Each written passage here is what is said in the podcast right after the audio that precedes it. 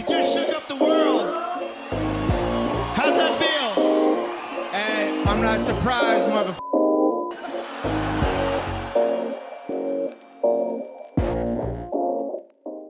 Hörru du först och främst. Salim, tack för att du ville Mm. vara här. Tack själv för att jag fick komma hit.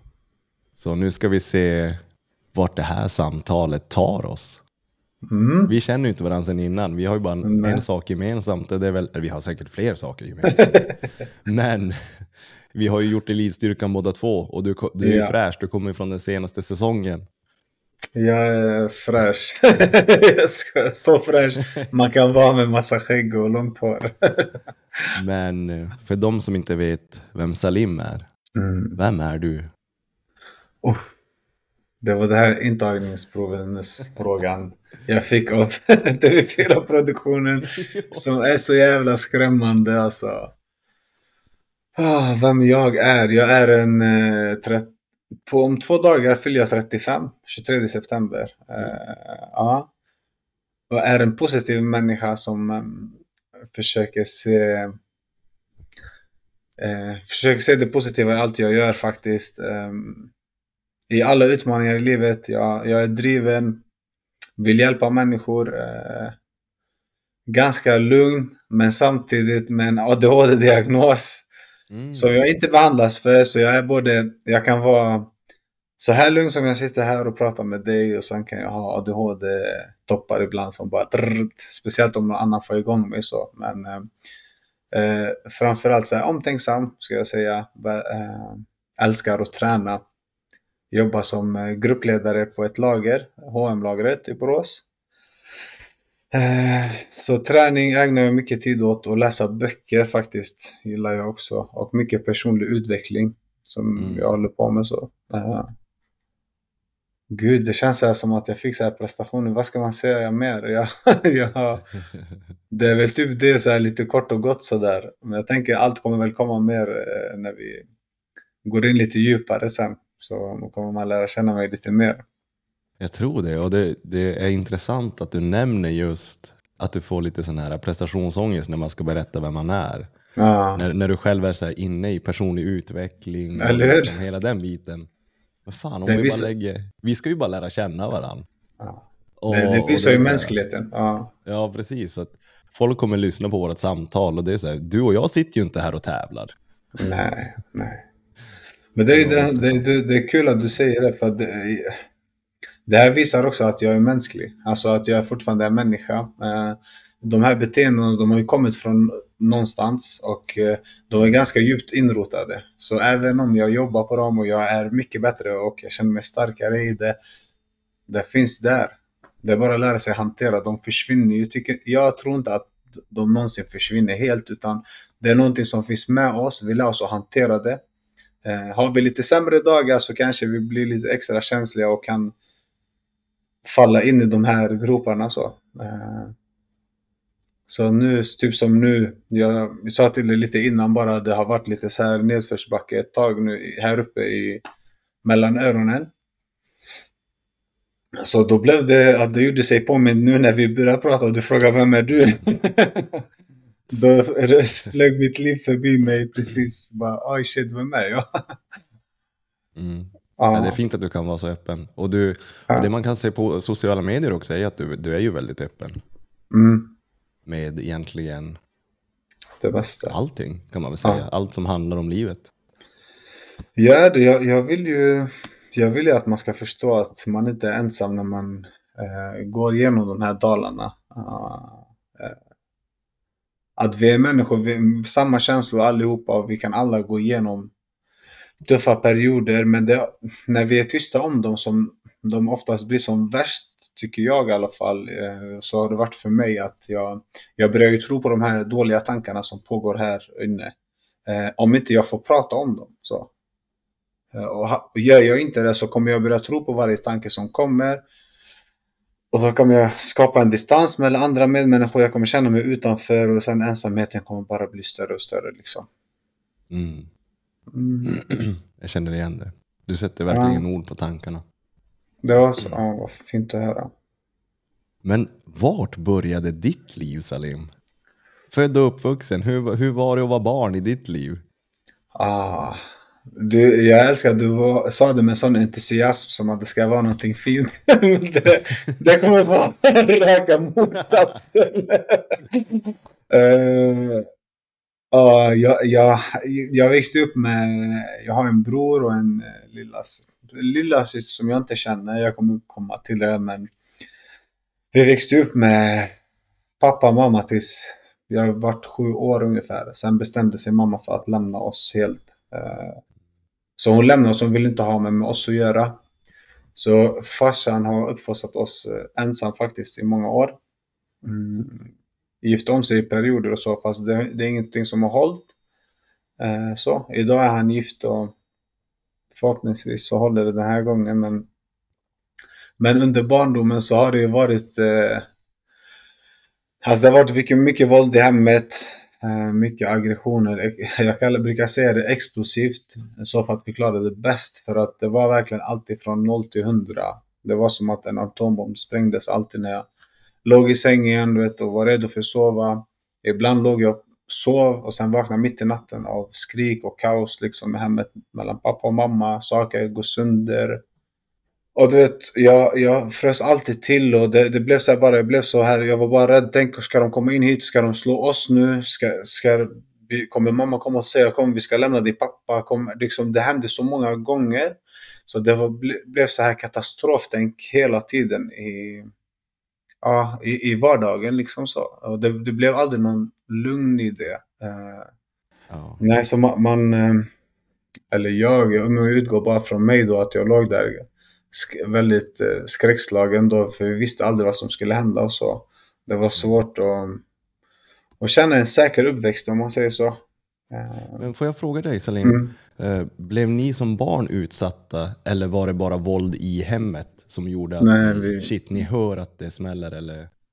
Nej, vi blev, vi fick mycket stryk. Alltså Varför säga. det? Den stora frågan du, om man hade kunnat svara på den hade man nog kunnat eh, må bra tidigare. Men eh, det kommer ju från vår bakgrund, du vet, alltså det är uppfostran. Eh, jag sa det att på våran gård så var det typ konstigt om du inte blev slagen. Så för att alla vi utländska barnen var där och vi pratade om vad vi blev slagna med under gårdagen, typ som skämt liksom så här. Ah, min pappa slog mig med en toffla, ah, min pappa tog en skopa, alltså bälte, allt sånt här. Och det var typ så här normaliserat så på något konstigt sätt. att För det är det de är vana med liksom. Om du missköter dig, slå till och tänker att det är så det ska lösas. Mm. Så vart det ju aldrig för oss. Det hjälpte ju aldrig någonsin utan det var ju varje gång vi blev slagna, vi, vi sket i det. Här, man glöm, vi är ju barn liksom. Så. Eh, men jag hade så svårt att förstå hur, som jag har tänkt på senare dagar, hur min pappa liksom kan vara iväg och jobba en hel dag. Sen vi har gjort något bus. Och sen mamma ringer och berättar detta till farsan. Och så medan han är på jobbet, alltså vi snackar kanske 6-7 timmar till. Bygger den här aggressionen och den ligger kvar. Du vet när han kommer hem, vi hör han i, trapps, i trapputgången. Liksom, han kommer med full fart. Som en bulldozer som är redo för att utsätta oss liksom, för våld.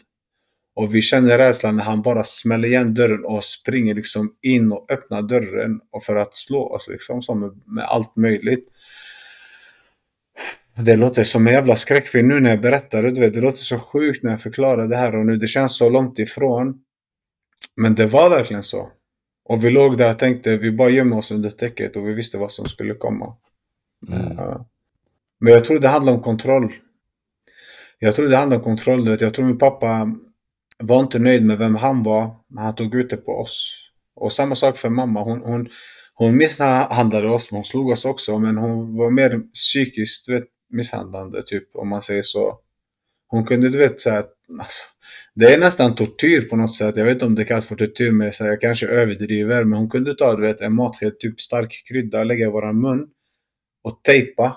Och sen låta oss stå på knäna i ett, i ett rum, du vet, flera timmar. Och det var så här typ vanligt. Eh, jag vet inte, är det sjukt eller är det bara jag som tycker att det är konstigt? Nej, eh, förlåt om jag blir tyst, men Mm. när jag blir tyst Mm. så är det en tankeprocess som händer i Ja, jag min förstår. hjärna. Mm. Behöver inte Och-. Och, och det blir så här... äh, Det, det känns ju såklart overkligt för mig eftersom att jag inte... Jag kan ju inte säga att jag vet hur det känns för jag har inte varit Mm. med om det. Nej. Men jag får ju upp bilder i huvudet framför mig, du vet. Mm. Och jag, och jag tänker så här, äh, just bara den här grejen när du berättar att liksom i, i grannområdet så snackar ni om vem som fick stryk på vilket sätt, du vet. Mm. Och de här utländska gårdarna, vad, vad var det för gårdar? Alltså går du, då är det, alltså det var ju så här radhus som gick så där eh, runt om, nästan inhägn, eh, instängt typ. Och då hade vi, det fanns ju flera gårdar så vi, vi det var väldigt samlat, alltså det som en slags förort om man säger här i Borås då, Hul- Hulta som det heter.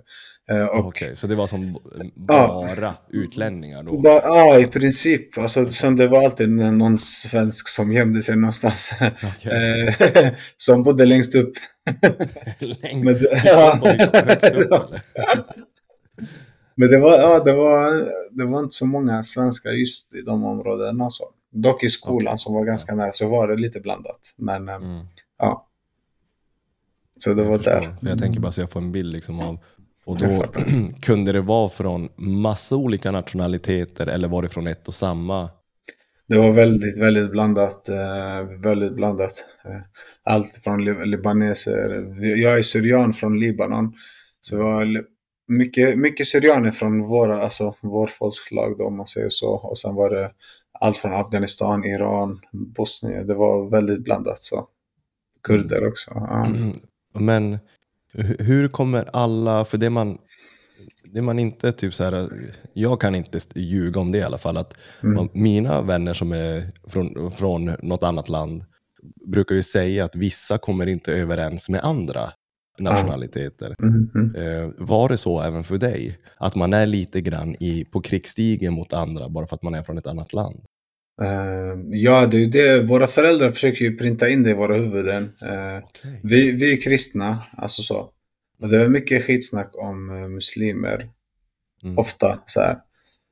Typ, det var... Och det är inte så konstigt ut när man... Eller så konstigt, konstigt. Det är konstigt för oss idag när vi pratar om det så.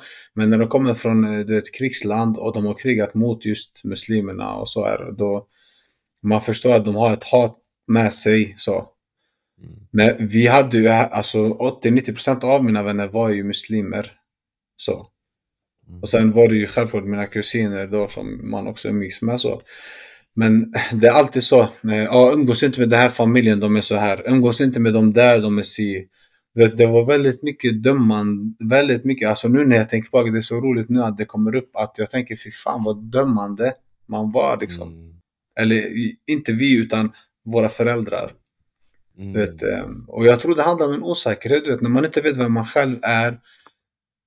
Det är lättare att kolla på vad alla andra gör och säger. Så. Och, och har man själv brister så är det eh, mer bekvämt att peka ut andras brister för att man ska känna sig bättre. Och jag tror det är det man gör, du vet. Att, att man vill hellre hitta större brister hos andra. De behöver inte, det är inte att de behöver vara sanna heller. Du, vet, du skapar någonting i huvudet för att du ska kunna må bättre. Och jag tror det är där det kommer ifrån, om jag ska vara helt ärlig så. Ja, det är klart. Och sen när man, när man får påtryckningar från föräldrar. Jag menar, vad, Mm. Som barn, vad ska, man, Mm. vad ska man göra? Det är svårt att ta Ah, ställning. eller hur, eller hur. Mm. Så, men, men era mamma, vad sa du?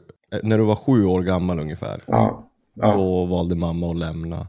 Vet Ja. du vad som fick henne att lämna? Vad var den där eh, situationen som gjorde att... Det var, alltså, efter alla kaosgrejer så var det faktiskt när det inte var kaos som hon valde att lämna. Det var när vi var på semester i, i Libanon. Och pappa skulle komma några veckor efter oss för vi hade pizzeria då. Så vi var på semester, så kommer pappa. Ha- Han är med oss och sen när vi skulle åka tillbaka då bestämde hon att hon ville stanna kvar i Libanon. Och inte, hon vill stanna med sin familj, hon vill inte åka med tillbaka. Ah, okej. Och eh, ja, då sa hon, jag, jag vill inte ha med er att göra. Bara så enkelt, typ. Och pappa försökte övertala henne att komma tillbaka till Sverige och bara ta hand om barnen. Alltså så. Men hon ville inte. Och, um, Och det värsta i det här var att hon behöll min syster. Så pappa var ju tvungen att åka tillbaka på grund av jobbet. Så han åkte och vi skulle åka tillbaka senare. Så hon skickade hem mig och min bror och min Sandra, äh, min, min Sandra säger jag, min syster heter Sandra. Hon fick stanna kvar där, alltså hon behöll henne liksom. Shit. Mm. Så jag känner ju inte min syster heller idag. Jag har träffat henne så på senare dagar. Hon har kommit förbi någon gång från Libanon, du vet, hälsat på här. Eh, för att mamma har ju haft en man som hon har varit och besökt i Stockholm, så till, till och från. Så jag fick en, ett tillfälle en gång faktiskt att träffa henne. Eh, då jag, då jag ville liksom fråga henne rakt ut, varför bara? Så. Eh, och vi träffades.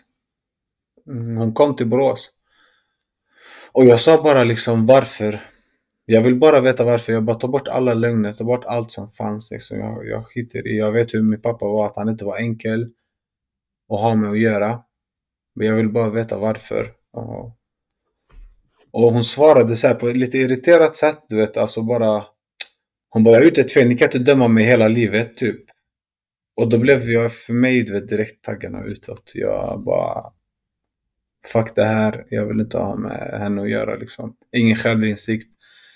Men jag tror i slutändan det handlar om skam för henne. Att hon skäms för det hon har gjort liksom. Jag tror det är där det ligger.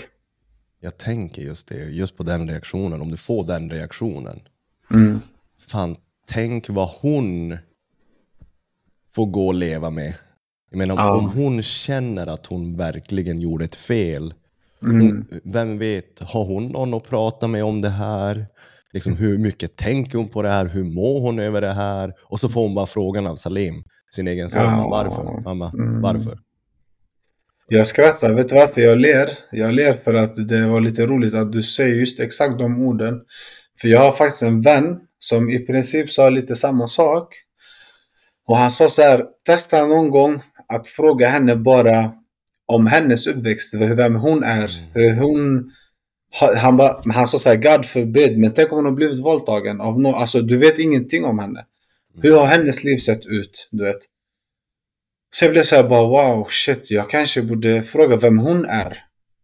Bara för att lära känna vem hon är och då blev det så här liten sån skön känsla inombords. Jag kanske vill se vem hon är men jag har inte kommit dit än, du vet Pontus. Än, Mm. så, Ja, jag förstår. och, och, och jag tror det kommer någon dag. Det kanske inte kommer, jag vet inte. Men jag hoppas på att kunna prata med henne och kunna förlåta bara för min skull. Vet, så här. Jag, jag är väldigt förlåtande som person mot allt och alla. Mm. Men just mamma har jag haft så här, vet, att, att jag håller avstånd hellre. Mm. Eh, Hur mår du idag när du tänker på det? Just den här relationen till mamma och att du har valt att du inte vill ha någonting med henne att göra. Lite grann som hon också valde med er. Mm. Det, det är en sorg. Det, när du frågar mig frågan, det första jag känner är sorg. Så här. Jag blir lite känslig, lite tagen så. Eh, så jag känner bara mm, en sorg. Mm. Det bästa sättet att förklara, du vet, att den ska behöva komma dit. Så det, det är en sorg. Det är en sorg. Jag blir också lite rörd när jag tänker på det. För Mm. Precis som jag sa innan, att jag får upp bilder i huvudet. Jag, liksom det, jag hade nog inte velat ha ett liv utan min mamma, om du förstår vad jag menar. Ja. Att det är därför jag blir rörd också när du, när du säger att du blir... Mm. Shit. Och det, grejen är för mig, så, alltså för oss, vi har ju inte haft det. Så det är svårt att säga vad, hur livet hade varit med en mamma. Det är väldigt små, du vet, så stor del av när man förstår grejer och så har varit utan mamma. Så det är svårt att säga typ att jag saknar något som jag inte har haft liksom. Eh, det är svårt att sakna något man inte haft men jag har tänkt, hade saker sett annorlunda ut? Jag vet ju mammas kärlek, den är, ju- verkar vara oslagbar så som jag upplever hos andra. Och eh, hur, i min sambo, mina, mina, min sambo, när jag ser du vet, hur hon är.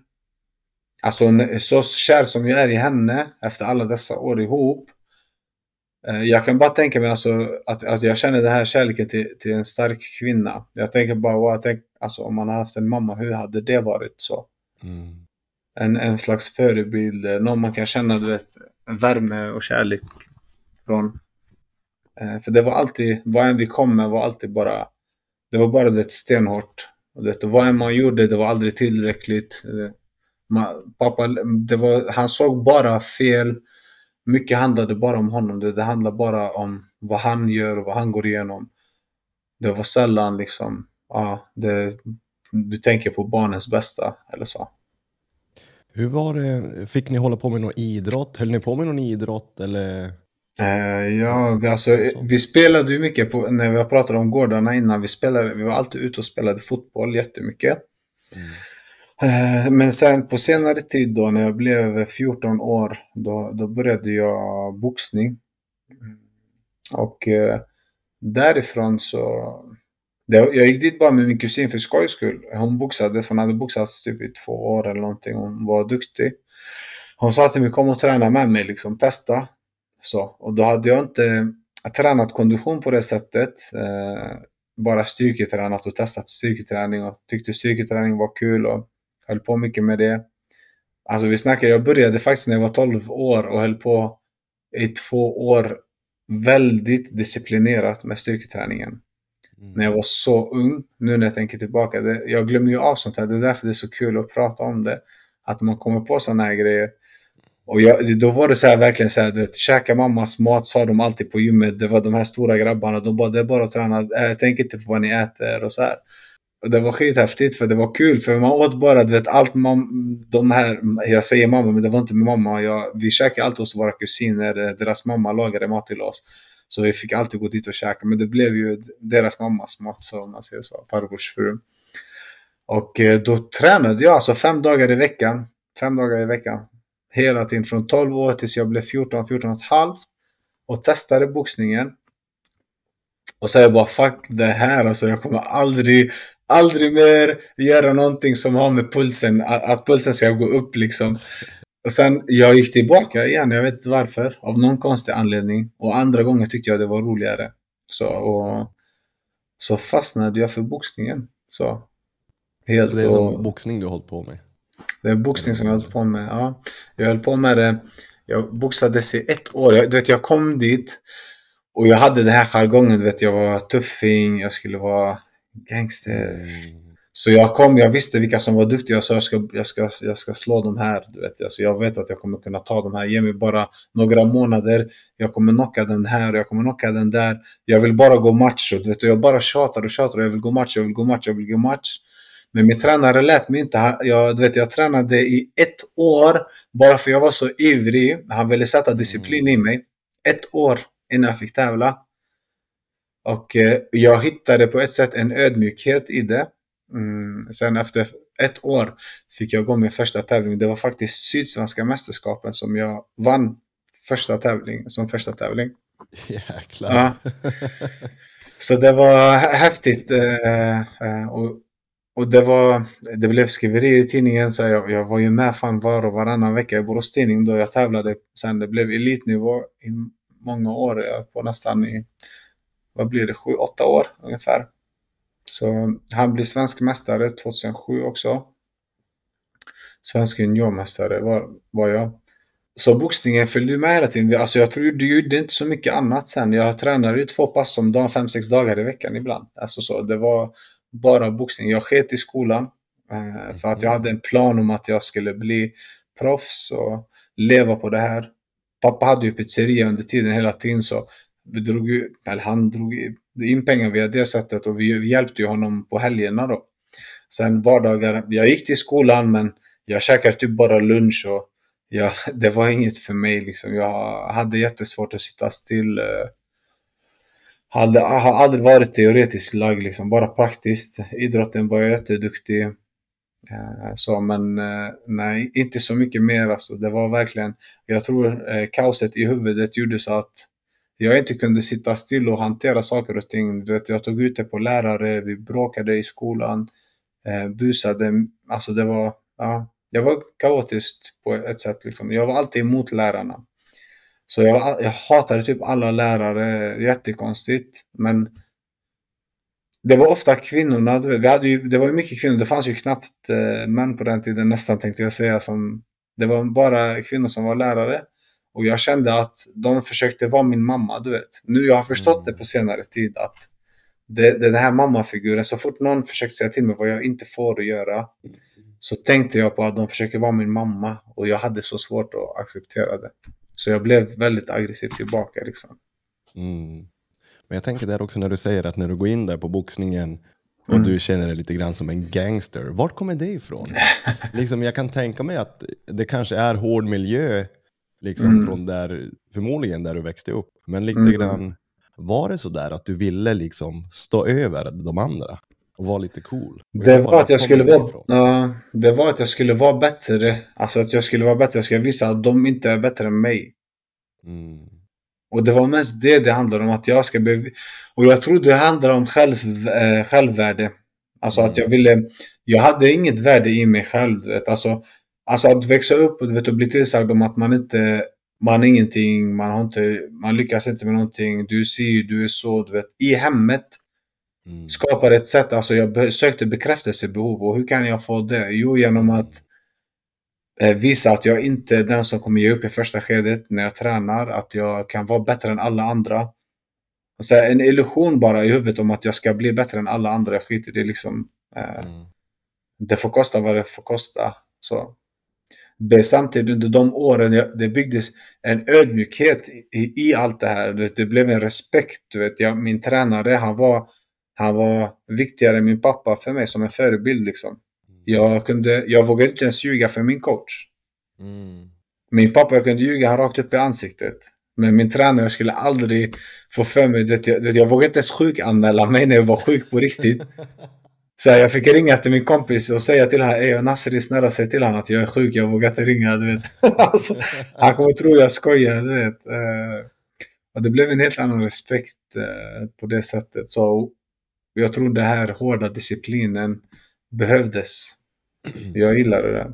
Jag tänker också när du, när du blev så pass jäkla duktig i Mm, boxning också. Mm, Och, och det låter ju som att du har ju haft den här drivkraften. Du har ju varit helt besatt låter det som. Du, liksom, du hade Ja. en plan, som Mm. du också säger, du skulle ju leva på det där. Ja. Du skulle ju bli proffs. mm, Så jag menar, det är ju för och nackdelar med allting här i livet. Men Mm. om man vill bli bäst i någonting så är det en fördel att ha det där besatta mindsetet Ja. som, som det låter att du har haft. mm. Maniska skulle jag säga också. Mm. väldigt maniskt beteende. För att jag hamnade, du vet när jag tänker tillbaka, eh, är så, jag är så tacksam idag kan jag säga att jag kan ens komma ihåg de här stunderna av känslorna och tankarna jag hade där och då. För att jag förstår mig själv så mycket bättre genom det. Mm. Men jag kommer fortfarande ihåg när jag vaknar på morgnarna. Pontus. Jag vaknar och det första jag tänker på, klockan är sex, jag ska äta nu. Klockan åtta ska jag träna. Jag kommer hem, jag hinner vila en, två timmar. Jag äter för att jag ska gå och träna sen. Du vet, alltså det var så här, hela tiden handlade bara om vakna. Och jag, jag kunde inte sluta tänka på det. det. Det där det maniska kom för mig. Du vet, det är bra att vara besatt. Men jag var manisk i det sättet att jag satt och tänkte på varje minut. Alltså varje timme. Okej, om en timme. Mm. Alltså jag räknade tiden hela tiden. Vet, det var hela tiden framåt. Det fanns inte här. Här och nu. Förutom när jag boxades. När jag var inne och tränade. Då var jag här och nu. Men allt utanför handlade bara om när jag skulle komma dit till att vara i närvarandet. Hänger du med på vad jag menar? Jag känner igen det när, när man själv Mm. spelade hockey. Liksom. Ja. Just det där, det är svårt och jag tror att det är svårt att få människor att förstå den där maniska biten. För det är exakt som du säger. Det enda Mm. man tänker på är den där jävla idrotten. Ja. Det är så här, äh, det, det är liksom, om man inte har varit i en situation där allt man tänker, äter, sover och lever är till exempel i ditt fall boxning. Ja. Ja. Så bara, men shit, vad är det han säger? Det låter ju Ja, helt galet. Jo, ja. men det är sant. Det är det. Det är så här, äh, det, det, det kan bli helt galet om man bara bestämmer sig. Ja. Och, Och jag i tror man behöver vara- Galet är ju inte Eh, negativt. nej. Jag tror man behöver, jag tänkte precis säga, förlåt att jag eh, dyker in, men Nej, att man behöver, bli, man behöver bli galen. man behöver nästan bli galen i det där på något sätt. För det, det, jag brukar säga det finns ju inga eh, som inte har varit galna som har kommit långt. Alltså, så här, man behöver ju vara lite manisk i det. Och det enda man kan göra är att tänka på det man vill göra, liksom, eller vill nå. Ja, men det är just det där, vill man nå en topp, vill man bli bäst i världen i någonting, då kommer det krävas att du gör helt galna grejer. Och då är det så här, galet behöver ju inte betyda negativt. Så det kan ju Nej. vara positivt i den riktningen, Mm. att du blir bäst. Ja. Så, ja, det är inte det. Det är jävligt intressant det där. Men hur, hur, hur blev, eh, när mamma sen, jag tänker om vi hoppar tillbaka lite, när Mm. mamma sen har lämnat, du är sju år gammal, eh, din pappa träffar någon ny, gifter om sig Mm. här och där. Fortsätter det här kaoset i hemmet som det har varit? Ja, alltså eftersom pappa har gift sig fyra gånger så kan man förstå att kaoset bara fortsätter för att det blev ju samma saker i princip med, med de andra fruarna också. Och det jobbiga i det var att pappa ville alltid tvinga oss att kalla dem för mamma, du vet. Och det som, där kommer den spännande delen är att just vad fick han ut av att vi skulle kalla fruarna för mamma? Så. Och jag har förstått nu på senare dagar återigen att pappa kanske har känt sig som ett litet misslyckande. För mamma lämnade. Han vill hitta en mammafigur till oss snarare än att hitta en fru till sig. Och i det här att han har en, en osäkerhet och, och, och vill att om vi säger mamma så bekräftar det för honom att han kanske har gjort någonting bra. Är du med på vad jag menar? Så jag, det är någonting som jag har klurat ut och tänkt på och räknat ut. Så jag tror det kan vara så. Och det känns väldigt troligt när jag tänker på det. Jag har aldrig tagit upp det med pappa. Det kan nog vara så faktiskt. Jag tänkte det, att hur mycket har du, vad har du för kontakt med pappa idag? Pratar ni mycket? Kan Mm. ni prata om sådana här saker? Alltså jag och pappa, vet, jag älskar han och så. Och vi pratar idag till och från. Från att gå att pappa äh, säger du vet, att han aldrig har gjort ett fel i hela sitt liv. Till att idag kunna erkänna att han har det och på ett sätt och ändå fråga mig till och med ibland för att han vill veta vilken riktning han ska gå så här. Det är helt otroligt ens att vi har kommit dit men eh, vi, vi, vi kommer nog aldrig få den här kontakten, du vet, den här som man har med en förälder för att det är så mycket som har brustit under åren och det finns fortfarande mycket defekter. Jag har också defekter, absolut. Men det finns fortfarande saker som pappa kanske eh, inte väger, att vet, självinsikten är väldigt, väldigt svår. Eh, så att, att förstå vad man har faktiskt begått. Eh, så det är så här svårt för mig, du vet, när han lever i ett eh, självömkande, väldigt självömkande tillvaro, där mycket handlar om han och jag, har- det har hänt så med mig och det har blivit så, du vet. Och så här, det, det, det tillåter väldigt lite utrymme för eh, förståelse för all- vad andra har gått igenom. Hänger du med? Så det handlar mycket om, om det, hmm, jag skulle säga narcissistiskt nästan, eh, beteende så. Eller inte nästan. Det är narcissistiskt. Så, väldigt. Och jag har förstått det mer och mer på åren, under åren att det är ett narcissistiskt beteende han har. Så som han besitter.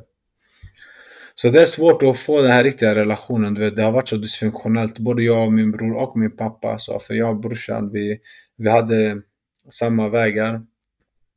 Vi hamnade i ett djupt missbruk eh, så, under många, många år också.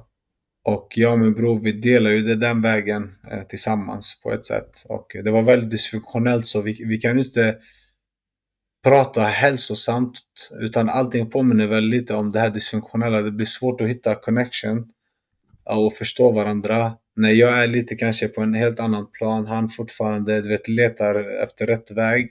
Men vi har förhoppning om att det kanske löser sig någon vacker dag. Eh, man, man är kvar i det här barn, barna, barnasinnet, du vet. Man är låst. eh, Man fick aldrig vara barn. Eh, Barnet här inne vill fortfarande spela du vet, samma filmer som den har gjort, alltid gjort. Det, så det är, lite, det är fortfarande dysfunktionellt. På ett sätt. När, eh, när började det här missbruket ta fart? Var det, hade du, var det innan boxningen eller under boxningen Nej. eller efter? Jag, jag kan inte säga det att jag, du vet, jag, jag var ju så inne i boxning. Jag, jag drack aldrig. Jag rörde aldrig droger. Jag var emot allt sånt. Så jag var så här big no-no. Det är ingenting man får röra. Men eh, när jag vart 22 år, eh, tror jag 22 eller någonting. Jag drack första gången när jag var 21 år gammal. Min kusin fyllde år, vet, och det blev så här typ... Ja, ah, vi, vi ska dricka, du vet, du måste dricka med oss. Då gjorde jag det. Och drack mig redlös, alltså jag kom inte... Jag blev helt borta och så här. Men sen jag, jag typ gillade känslan. Så, så det var redan där jag förstod vad det innebar. Men det, det lockade aldrig till drogerna eller så. Sen var det jag skadade mig när jag var 22 eh, eller 23 år gammal. Där jag pajade mitt ledband då på handen. Eller i handen. Och det satte stopp för hela min karriär så. Från ingenstans du vet. Det gick från tävla var och varannan helg. Eh, jag blev svensk mästare. Det var ganska några år efter jag varit svensk mästare som det bara du vet, smällde till. Och eh, det bara så som att någon drog mattan under mina fötter, du vet. Och hej då boxning, ingen mer boxning, bara så enkelt. Och där kunde inte jag acceptera så här, jag bara var så, så snurrig i huvudet. Jag tränade, du vet, ett och ett halvt år Pontus med bara högerhanden. Vänster var paj. Ett och ett halvt år, du vet, jag, och jag sa, jag försökte övertyga mina tränare att jag kan gå match med bara höger, jag kommer kunna slå. Alltså jag lovar dig. Han vägrade ju. Eh, släppa mig. Men jag, jag blev så duktig med höger att jag hade, alltså jag inbillade mig på riktigt Pontus att jag kunde göra det. Alltså jag trodde på riktigt att jag hade kunnat gå upp och tävla på hög nivå med bara höger hand. Eh, jag bara, de vet inte att jag är skadad, jag kan luras med vänster vet, och bara slå höger, höger, höger. Eh, så, här. så efter ett och ett halvt år fick jag böja på nacken. Och, Eh, vi flyttade i samma veva då till en annan stad. Vi bodde i Borås. Så pappa sa det, din, din, du har ändå pajat din hand nu, vi kan, du ska aldrig träna boxning så vi flyttar. Så han har hittat en pizzeria i Hyltebruk. Eh, och där flyttade vi då. En liten byhåla i Halland där utanför Halmstad. 5-6 eh, mil utanför Halmstad. Så det, det är typ 3000 invånare ungefär. Pizzerian gick jättebra, du vet. Vi kom dit. Vi, vi, om vi kan någonting i vår familj och släkt, det är pizza. Så vi är väldigt duktiga på det. Så vi tog, vi tog byn med storm. Så här, det blev ju väldigt bra omsättning. Vi, hade, eh, vi blev lite coola. Eh, de coola pizzabagarna som alla kände. Men det tog två, två år tror jag utan träning. Du vet, jag, jag mådde jättedåligt. Alltså sex månader innan, utan, innan jag kunde släppa du vet, det här med det här maniska tänket att jag måste träna, jag måste träna, jag måste träna. Du vet, jag, jag försökte lite ensam, du vet, själv gå ut och springa och så men när det inte fanns någon tydlig plan, det fanns ingen som kunde leda mig, jag, jag var vilsen. Så jag tappade lusten till slut och började äta, du vet, allt skit. Du vet, bara pizza varje dag. Drack typ alltså 6, 7, 8 burkar cola om dagen. Du vet, alltså, ah, det blev så här. Jag blev du vet, beroende av att stoppa i mig saker. Så jag, det blev ett beteende av att trycka i mig mat som var onyttigt godis, socker, allt möjligt. Det är sjukt nu för jag tänkte idag, jag dricker inte, jag kan inte ens dricka, jag dricker vatten. Det är det enda jag dricker typ. Alltså jag kan dricka en gång i veckan kanske till någon god mat så här, eh, vad heter Cola Zero eller 7-Up Zero eller någonting. Från den tiden då att dricka så många burkar om dagen, det är helt sjukt. Nu tappar måste jag gått upp i vikt jättemycket. Uh, jag gick ju upp jättemycket. Jag blev ju en köttbulle så att säga. Så jag tappade ju all min form. Så här. Jag försökte komma tillbaka då och då, men det, det gick ju inte. Ja, det höll inte. Jag tappade disciplinen helt. Så, men det, det, det kom ju en dag sen där en vän kom med en tablett. Och så var det, det var tramadol då. Och han sa det här, ah, men, vet, han visste att jag mådde dåligt. Han sa så här, testa det här, du vet. Och jag testade.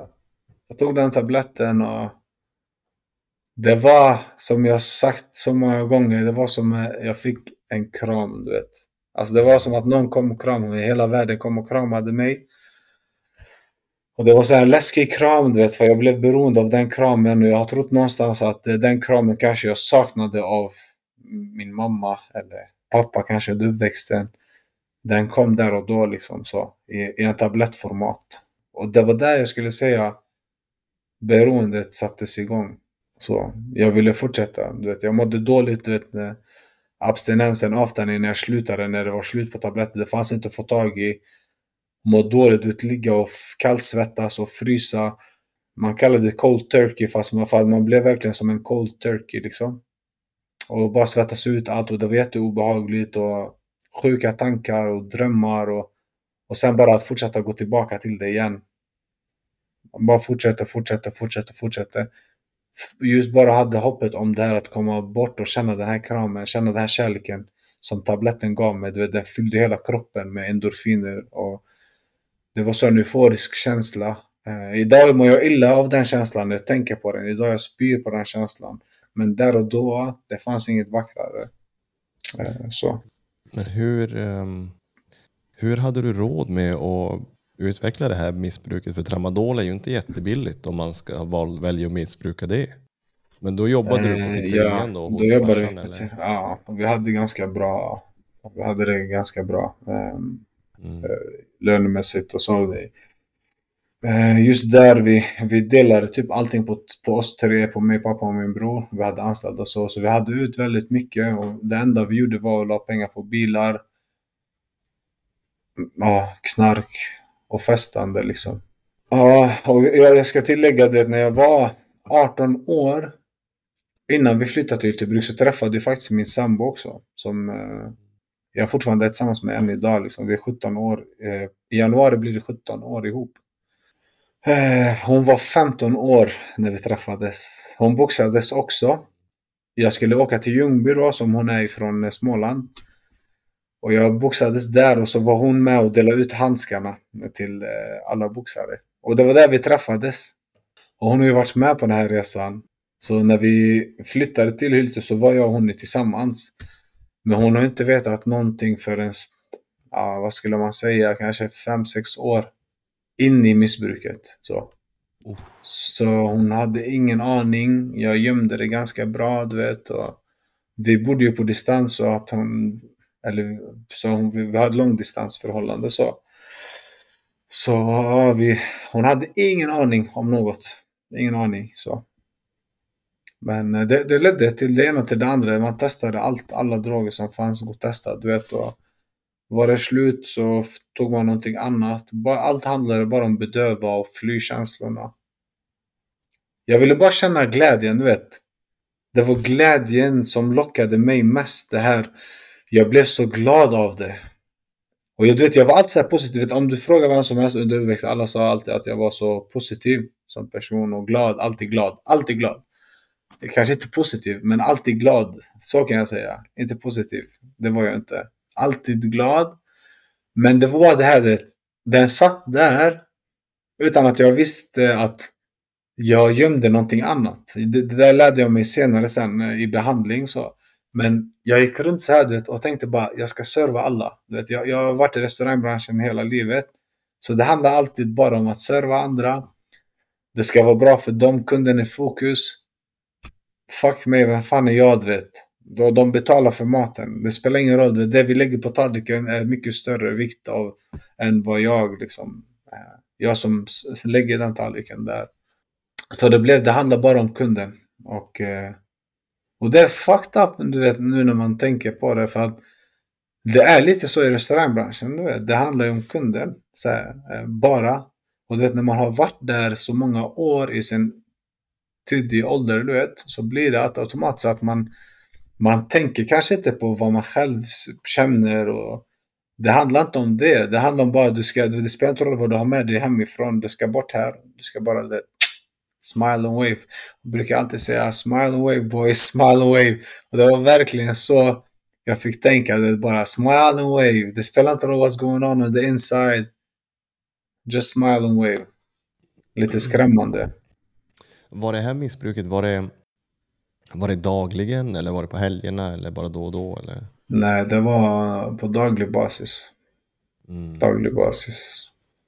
Eh, Det öppnade upp dörrar som sagt till allt annat också. Så, men eh, kokain blev ju mitt, min huvuddrog sen. I allt det här. Mm. Så det var, och kokain är ju det dyraste egentligen man kan tänka sig ha. Så det drog med sig massa skulder och sånt också. Mm.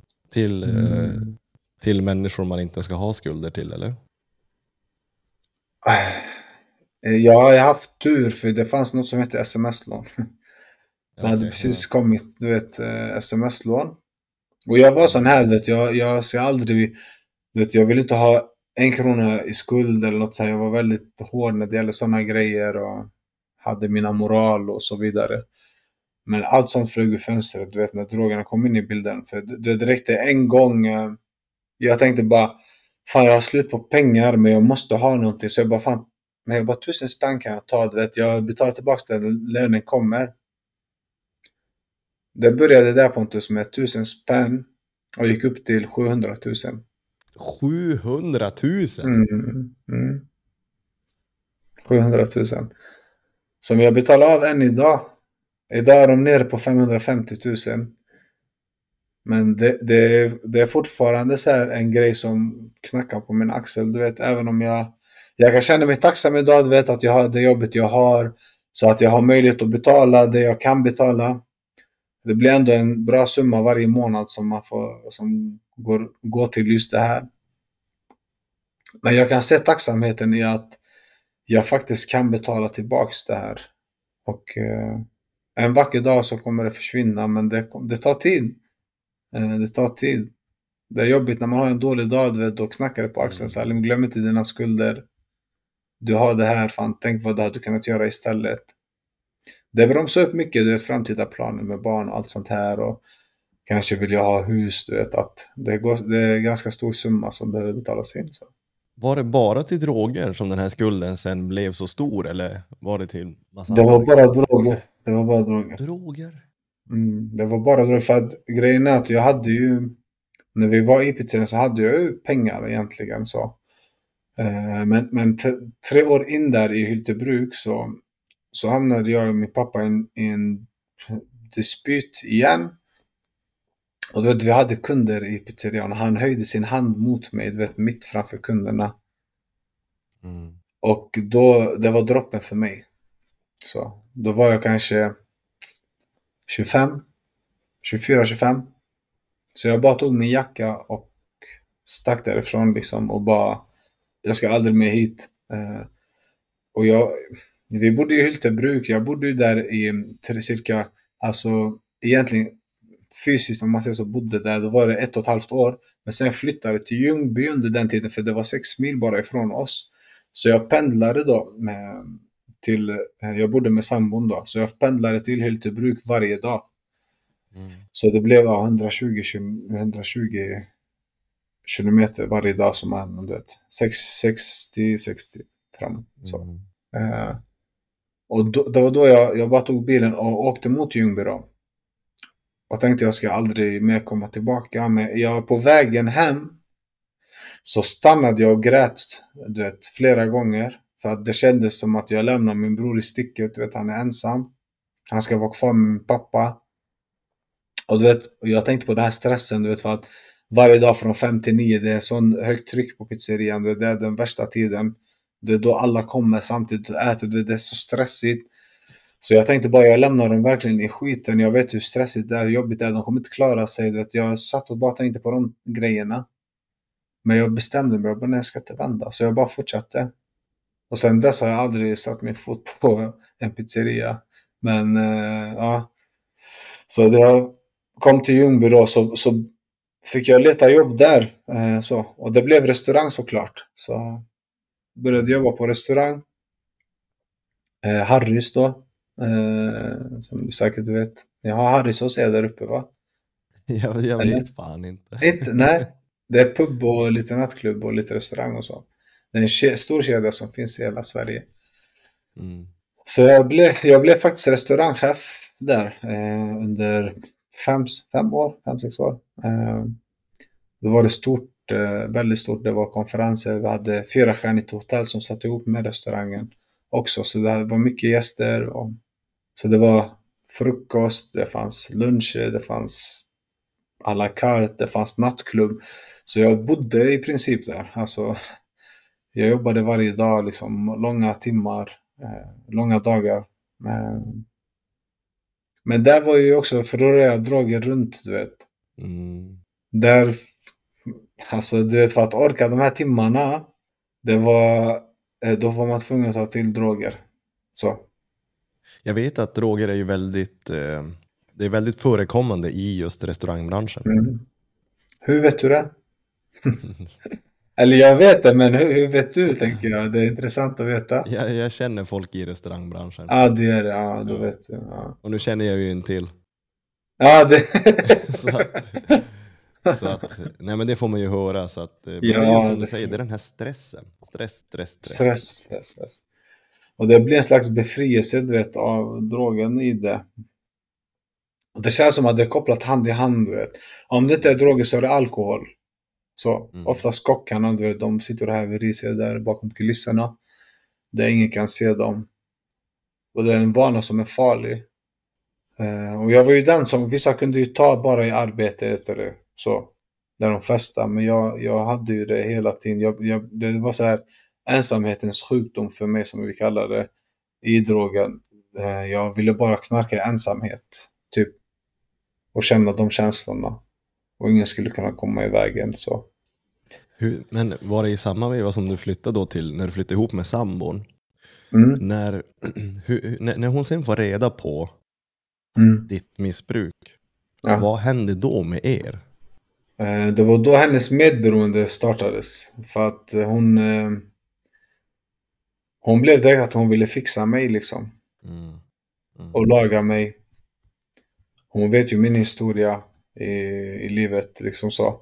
Och det blev som att hon ville hjälpa mig direkt. Och det, det, det vart ju för mig, jag tog en överdos. På vad då? Vi, eh, ja, vi, var, vi var på semester eh, Pontus, i Kroatien.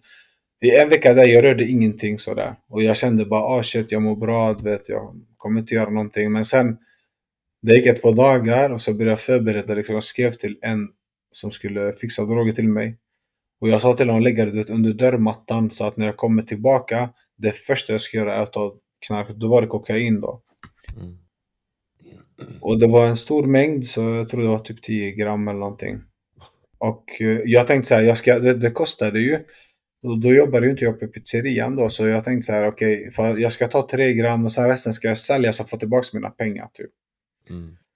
Men, men ja, de som är beroende, de vet vad det innebär att ha saker hemma och försöka låta bli det, liksom, det går inte hand i hand. Så det blev att jag under två dygn tryckte i mig allt. Eh, ja, det blev nästan ett och ett halvt dygn. Så jag hade fixat sömntabletter samtidigt och bensotabletter, bensodiscipliner. Så jag hade tryckt i mig de 10 grammen. Jag hade tryckt i mig en hel karta sömntabletter och ett par bensotabletter. Så jag, jag kommer inte ens ihåg att... Eh, för jag ville sova. Jag tog en, sen jag fortsatte och dra lina, du vet. Och sen, alltså allt sånt här. Jag mixade, mixade, mixade. Helt plötsligt var kartan slut, du vet. Och jag vaknar två dagar senare. Jag har ingen aning. Jag ligger i sängen. Ingen ligger jämte mig. Jag går upp. Jag är helt, vet, staplandes. Och jag kollar, jag ser Minna ligga i soffan. Och hon, hon ligger och sover. Och hon vaknar av att jag öppnar dörren. Jag bara, vad fan har hänt? Typ bara. Och hon bara säger, hon bara, jag vet inte, kan du berätta vad som har hänt? För jag fattar ingenting. Hon sa, jag kom hem, jag såg dig ligga på soffan. Och jag försökte ta din telefon för jag förstod att något inte stod rätt till. Och du knuffade mig och bara staplade in i rummet och tog telefonen. Och sen jag bara slocknade. Och där kände jag bara eh, att jag behövde vara transparent med henne. Och så jag bara öppnade upp och berättade allting direkt. Om allting. Om alla åren och hur jag har missbrukat och hur jag är fast i den här skiten och så. Och, och då, hon grät såklart. Hon vart jättechockad. Hon valde att stanna. Hon ville hjälpa mig. Och det slutar ju inte där såklart. För där, där började resan där hon förstod vad som pågick och hon fick följa med en ganska destruktiv tid också till. Så, som var inte alls rolig. Så där och då bestämde jag mig, jag kan inte vara kvar här i Ljungby, jag måste flytta tillbaks till Borås. Jag ska fixa i ordning mig. Eh, så jag sa upp mig från jobbet. Tog mina grejer. Eh, Minna skulle följa efter mig, men hon var tvungen att vänta med jobbet och sådär. Hon var kvar i sex månader, så jag skaffade en eh, lägenhet i andra hand i sex månader. Och jag skulle sköta mig och så, men det bara fortsatte. Det eskalerade. Det var där det började med lånen faktiskt. Och det var bara... Alltså jag låg bara i lägenheten och knarkade och gick till jobbet. Och på något sätt, du vet, jag fattar inte så jag klarade. Att jag ens jag pallade jobba sen. Så jag gick och jobbade, var uppe hela nätterna med, ja, eftersom kokain är lite uppåt, eller uppåt, så kunde inte jag sova. Och det, det bara gick så här cirklar. Så. Och jag ville inte ha med någon att göra. Eh, sen flyttade mina till slut till, till Borås. Hon hittade en lägenhet och så. Då ville hon, vi skulle flytta ihop då. Men um, mitt i allt det här, du vet, jag hade tagit överdos efter överdos, hamnat på akuten flera gånger, uh, höll på att dö. Överlevde mot alla odds flera gånger så. Och hamnade till slut på psykiatrin då. Uh, så jag blev inlåst. Jag tog tag i läkaren när jag var på akuten eh, sista gången och sa att snälla släpp inte ut mig härifrån, jag kommer dö. Mm. Snälla släpp inte ut mig härifrån. Jag tog hans hand så. Han sa bara vila här. Lägg dig. Han bara vila. Lägg dig och vila. Vi ska se vad vi kan göra. Jag bara men snälla du förstår inte. Jag kommer dö. Alltså jag kommer ta självmord. Jag kommer ta självmord. Jag menade det också för att när jag tog eh, en drog, jag hade lovat varje gång det här är sista gången, jag kommer inte göra om det. Jag lovar att jag inte ska göra om det. Det här är sista gången. Du vet, jag lovar min sambo, lovar mina vänner, min familj, du vet, kusiner, och sen den här skammen som följer eh, efter första, du vet, första, första linan, du vet. Direkt. Mm. Du är där igen. Då ville jag bara ta mer och mer tills jag dog, du vet. Jag, jag, jag var rädd för att göra det, alltså typ hänga mig själv. Men jag, kunde, jag ville knarka mig till döds. Så, så jag tryckte i mig, alltså du vet. Ibland det gick inte, jag försökte tvinga i, alltså du vet, jag har jättehemsk bild. Jag kan varna lite för lite känsligt så, men jag bara för att man ska fatta hur äckligt det är, hur fast man är i det. Alltså jag, jag kunde inte få in mer i min näsa, du vet. Eh, det, det blev helt stängt, alltså helt täppt här. Innan jag åkte in sista gången till akuten. Jag tog du vet, sugröret och påsen. Och du vet, och bara gjorde så för att jag ska du vet, hälla i det. Alltså i, i, det gick inte ens att få in det liksom. Alltså det, var, det är så äckligt nu när jag tänker på det. Men alltså för att fatta att, att jag är där jag är idag jag mår fantastiskt. Jag, jag har en underbar sambo. Vi har ett fantastiskt liv ihop. Att, att jag har kommit dit från det där, du vet. Jag vill bara att folk ska förstå bilden. Att, att när ni tror att, vet, man tror att man själv sitter i skiten och tänker att det är omöjligt. Nej, det är fan inte omöjligt. Jag låg där med sugrör och tvingade i skiten i min näsa för att inte jag kunde dra in det mer. Till att jag är här idag, eller kan vara lycklig, du vet. Att förstå den switchen. Att det är möjligt, hur djupt än man är i skiten. Och det är därför jag vill vara så tydlig med, bild, med bilden. Att man ska förstå att Fuck alltså, jag var där alltså. Det värsta man kan se framför sig, eh, narkoman, knarkare, vad som helst har det. Jag var där. Och idag alltså, jag kan le du vet, och vara glad. Jag, du vet, alla frågar mig idag, hur kan du vara så glad? Du vet, när jag berättar om min historia, ingen kan tro att jag har varit där. För att jag är så glad. Och bara, du som är så, så positiv alltid, du som alltid är så glad. Så jag bara, jag är ödmjuk inför livet idag. Jag är ödmjuk inför livet. Jag vet vart jag kommer ifrån. Jag vet att människor inte har det lätt. Jag vill inte, du vet, sprö på mer för, för deras tuffa liv. Du vet. Om de redan har det tufft, vi behöver inte kasta mer bajs på varandra. Det räcker liksom. Men jag tänkte på en grej. Mm. Nu, när du säger att där du är nu, du kan vara lycklig. Men då, mm. då måste jag få fråga dig, vad är lycka för dig Salim? Lycka för mig är att acceptera det som livet kastar på mig. Det som livet utsätter mig för och jag kan ta det med acceptans. Det är lycka för mig. Lycka för mig är att jag kan känna en känsla som är fucked up, som är jobbig, som är tuff. Som inte jag, jag tycker jag kan hantera. Men jag känner känslan, jag accepterar känslan, jag pratar om det med någon. Jag får ut det off my chest. Jag landar i ett lugn. Två, tre dagar senare förstår jag var känslan kom. Jag lär mig någonting av det. Jag blir proaktiv till nästa gång kanske det kommer igen Alltså lycka för mig är att inte fly från livets villkor. Du vet. Och leva på livets villkor, så att säga. Att, att gå runt och vara glad hela tiden, det är bara en illusion. Du vet, du vet, jag, jag, jag vill bara ha, hitta en mening med livet. Meningen är så mycket större än att vara bara lycklig. Att, när vi hittar en mening, vi kan hitta ett driv efter något hela tiden. För att lycka är bara du vet, tillfälliga känslor. Så. Jag brukar säga som samma sak med kärlek. Vissa tror kärlek är en känsla. Det är ingen känsla. Kärlek är en handling. Mm. Det du gör, alltså det du gör för någon annan, det är kärlek. Inte bara att du känner, för känslor kommer och går, kommer och går. De går upp och ner, försvinner, vet, de är inte långvariga. Så hade kärlek varit eh, en känsla så hade det bara varit tillfälligt. Alltså bara när du mår bra så kan du vara, visa kärlek. Så. Men kärlek är när det är tufft och man fortsätter och gör det, de handlingarna som man vet gynnar en själv och någon annan. Och jag är glad att vi pratar om det här, för jag, jag behövde påminna mig själv om det här. Så när du frågar mig nu vad lycka är, jag växer själv genom att svara på den frågan för att vet, jag, vet, vi, är, vi är oftast bra, jag, okay, jag ska utgå från mig själv, jag är väldigt bra på att säga till folk hur det är, hur det ska vara, hur man ska tänka. Men du vet, jag är bra på att säga det också till andra. Men gör jag det själv alltid? Absolut inte. Men försöker jag göra det? Absolut. Men jag är också människa, det är det vi måste komma ihåg att vi är mänskliga. Vi kommer göra fel, vi kommer trampa snett. Huvudsaken bara är att vi har tydliga mål och fortsätter mot det som vi tror är rätt. Liksom så. Jag hamnar själv nu i en resa i huvudet, så det, det är fantastiskt. Därför jag älskar att prata om det här. Du blev tyst nu, Pontus. Du har varit tyst. Jag vet inte. in det. Ja, du tar in. Du tar in. Ja, det är fint.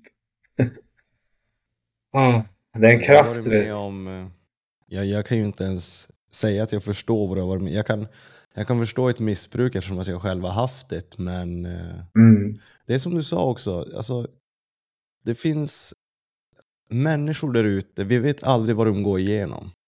Mm. Vi vet fan aldrig vad de går igenom. Och det är så lätt att döma och tycka och tänka om vad andra borde göra och ska göra och hur de ska känna och må. Men det är Mm. fan inte upp till oss att göra det. Nej. Vi vet fan aldrig vad folk går igenom. Nej. Det är därför vi behöver vara ödmjukare mot varandra. Transparenta. Mm. Att vara ödmjuk är att förstå att människan som går bredvid dig kanske inte heller har det lätt, du vet. Mm. En förståelse för att någon annan kan faktiskt ha det värre än dig. Bara för att man inte visar det. Om jag ler varje dag, det behöver inte betyda att jag har det bra, men det betyder också, det kan betyda att jag har en styrka. Jag sa igår, du vet, att när jag, när jag sa till dig i början att jag har haft lite så här dippigt så, jag, jag, jag får de här tankarna som alla människor får. Jag orkar inte gå till jobbet, jag ska sjukanmäla mig. Jag får de här tankarna, du vet, jag vaknar på morgonen, jag orkar inte gå idag, jag ska sjukanmäla mig. Jag hör dem och jag förstår varför människor sjukanmäler sig fast de inte är sjuka. För jag har de tankarna och man, är man inte vaksam, man tror på de tankarna. Och jag hör de rösterna, men jag tänker, jag, jag, jag går inte efter dem, du vet.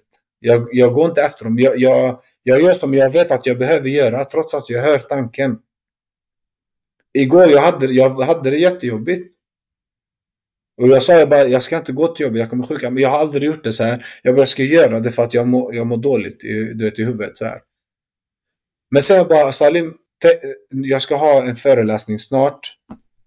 Och jag tänkte så här bara, tänk om det här var den här dagen du ska ha föreläsningen, vad hade du gjort? Skulle du stannat hemma? Mm. Bara för att du kände så här. Så jag bara, nej det kan du inte säga. Jag bara, fuck, jag måste upp. Jag bara, jag ska upp nu, du vet. Jag gick dit och när jag väl kommer dit, det är inte så jobbigt, du vet.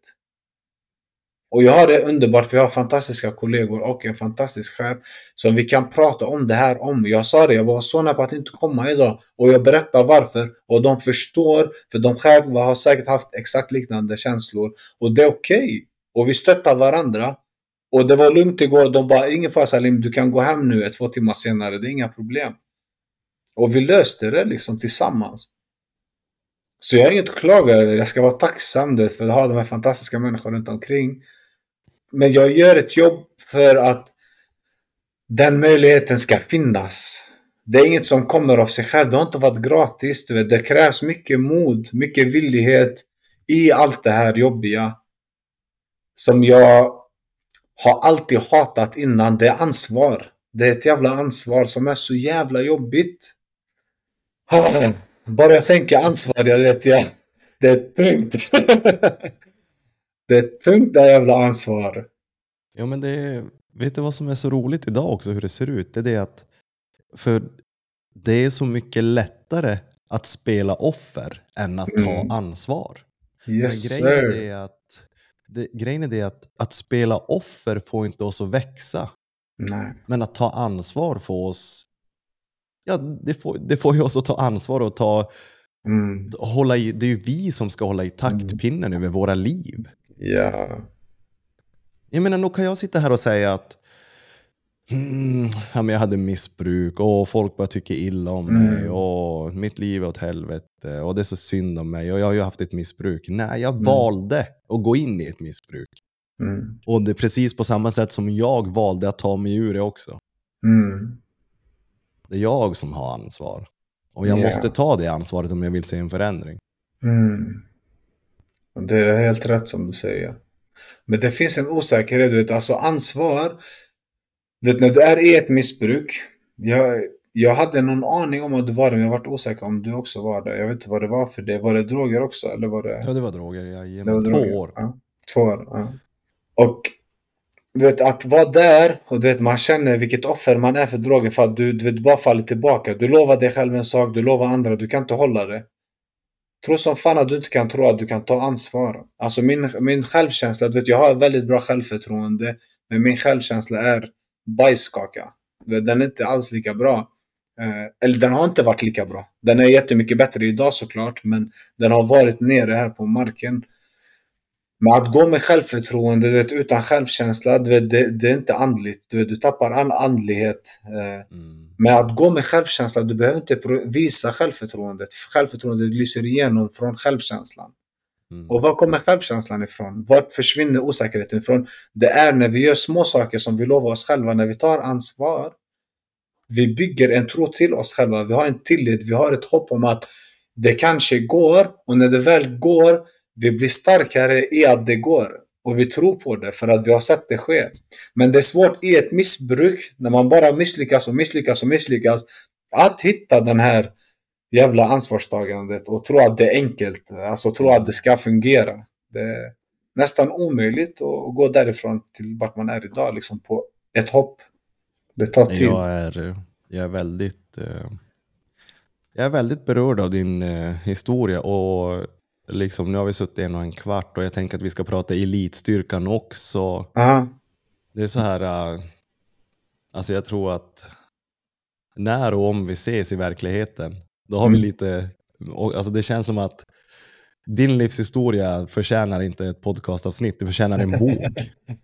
Ja, Du det är förstår, förstår du vad jag menar? Ja, fint. Alltså, det, det finns så mycket mer för dig att berätta. mm. Om, om jag får liksom chansa helt vilt. Ja, jag tror det också. Jag tror det också Pontus. Jag tror det, du vet, när man, du vet, när man är öppen för det. När man hittar de här svaren som finns inom oss faktiskt. För att jag läste fantastiskt häromdagen i en bok. Det står att eh, när vi är eh, i kontakt med oss själva. Eh, vi känner igen en sanning när vi hör den bara. Mm. Eller hur? Det betyder någonstans att vi har svaret inom oss. Så genom, genom när jag är medveten, när jag är vaksam, när jag mediterar, när jag jobbar med mig själv. Jag ser alla mina defekter. Saker som är avvikande beteenden, känslorna, tankarna. Jag ser dem, hör dem. Jag är väldigt vaksam, försöker hela tiden att inte fastna, inte försvinna för långt bort ifrån den här kontakten här inne. Det gör mig öppen för möjligheten att se vad som pågår, vad som har skett, vad som kan hända. Så, så alla, alla grejer jag har varit med om kan jag se tillbaka till idag tack vare den här grunden jag har byggt, foundation som jag har, tack vare den resan jag har varit med om. Så kan jag se tillbaka långt och förstå vissa saker. Men det är via, via, allt, via andra, liksom, via andra. Eh, jag läser om andras resor, eh, du vet, hör andra tala. Och det, det där jag kommer på mina svar också. Det är därför det är så viktigt att dela med oss till varandra. Det är det som är så Mm. fantastiskt. Och det är därför jag älskar att göra det. Kommer alltid älska att göra det. Jag får energi av det. Det är en kraft. Jag vet inte vad du upplever, men jag upplever en kraft när jag sitter och pratar med dig Pontus. Självklart, det är därför jag gör det här Salim. Mm. Det är därför jag har snart 100 avsnitt i podden. Du förstår Det- precis vad jag menar. ja, jag tror att jag gör det. Nej, men det är också att jag har den här nyfikenheten. Just, jag är lite Mm. inne på samma spår som med dig, för att jag tror inte att jag är bättre än någon annan, för jag har varit liksom där uppe i idrotten, men varit här nere i livet och nu försöker jag resa mig i livet, alltså i själva Ja. livet. Och det är ju livet det handlar Mm. om, det är det vi ska ta oss igenom på bästa möjliga sätt. Och jag har bara blivit så ödmjuk på det sättet att om, liksom som Salim, och du har gått igenom det här, du har haft ett missbruk och jag blir så här bara, shit, wow, let's talk about Mm. it. Eller Liksom, bara, shit, vad kan, vad kan jag lära mig av dig? Vad har vi för likheter? Gick vi Mm. igenom samma känslor? Liksom så här, Ja. jag, jag, jag brukar också se podcasten som, eh, det blir lite grann som gratis föreläsning för mig. När jag får prata med alla Japp. människor från Mm. alla håll och kanter och problem. Ja, det är så vackert. Det, det, jag brukar kalla när vi spelar in, vi har ju vår podcast. Och den heter ju Talk about it. Mm. Och när vi, när vi pratar, vi, jag ser det som att vi har terapi. Alltså vi har terapisamtal som folk kan lyssna på. Mm. Det är så enkelt. Och det krävs bara en till. Alltså jag kan kanske inte göra det själv. Jag kan berätta saker själv. Men för att det ska bli terapi så behövs det en till. Och det är där kraften byggs. Och det är där all information kommer och går till varandra. Liksom. Och som du säger, det finns så mycket att hämta från varandra. En liten grej för dig kan göra jättemycket för mig. Mm. För mig en liten grej som igår när jag bara tog mig ens till jobbet. Men den har stor betydelse egentligen vad som finns i grunden. Var kommer det ifrån exempelvis? Så. Min tränare sa alltid till mig. Han bara eh, spela som du måste eller boxas som du måste, inte som du känner. Mm. Så om vi översätter på engelska. Play as you must, not as you feel. För att om vi går på bara känslan. Tänk om du har en dålig dag. Du vet, jag var ute och sprang. Jag tränade två pass om dagen förut. Då.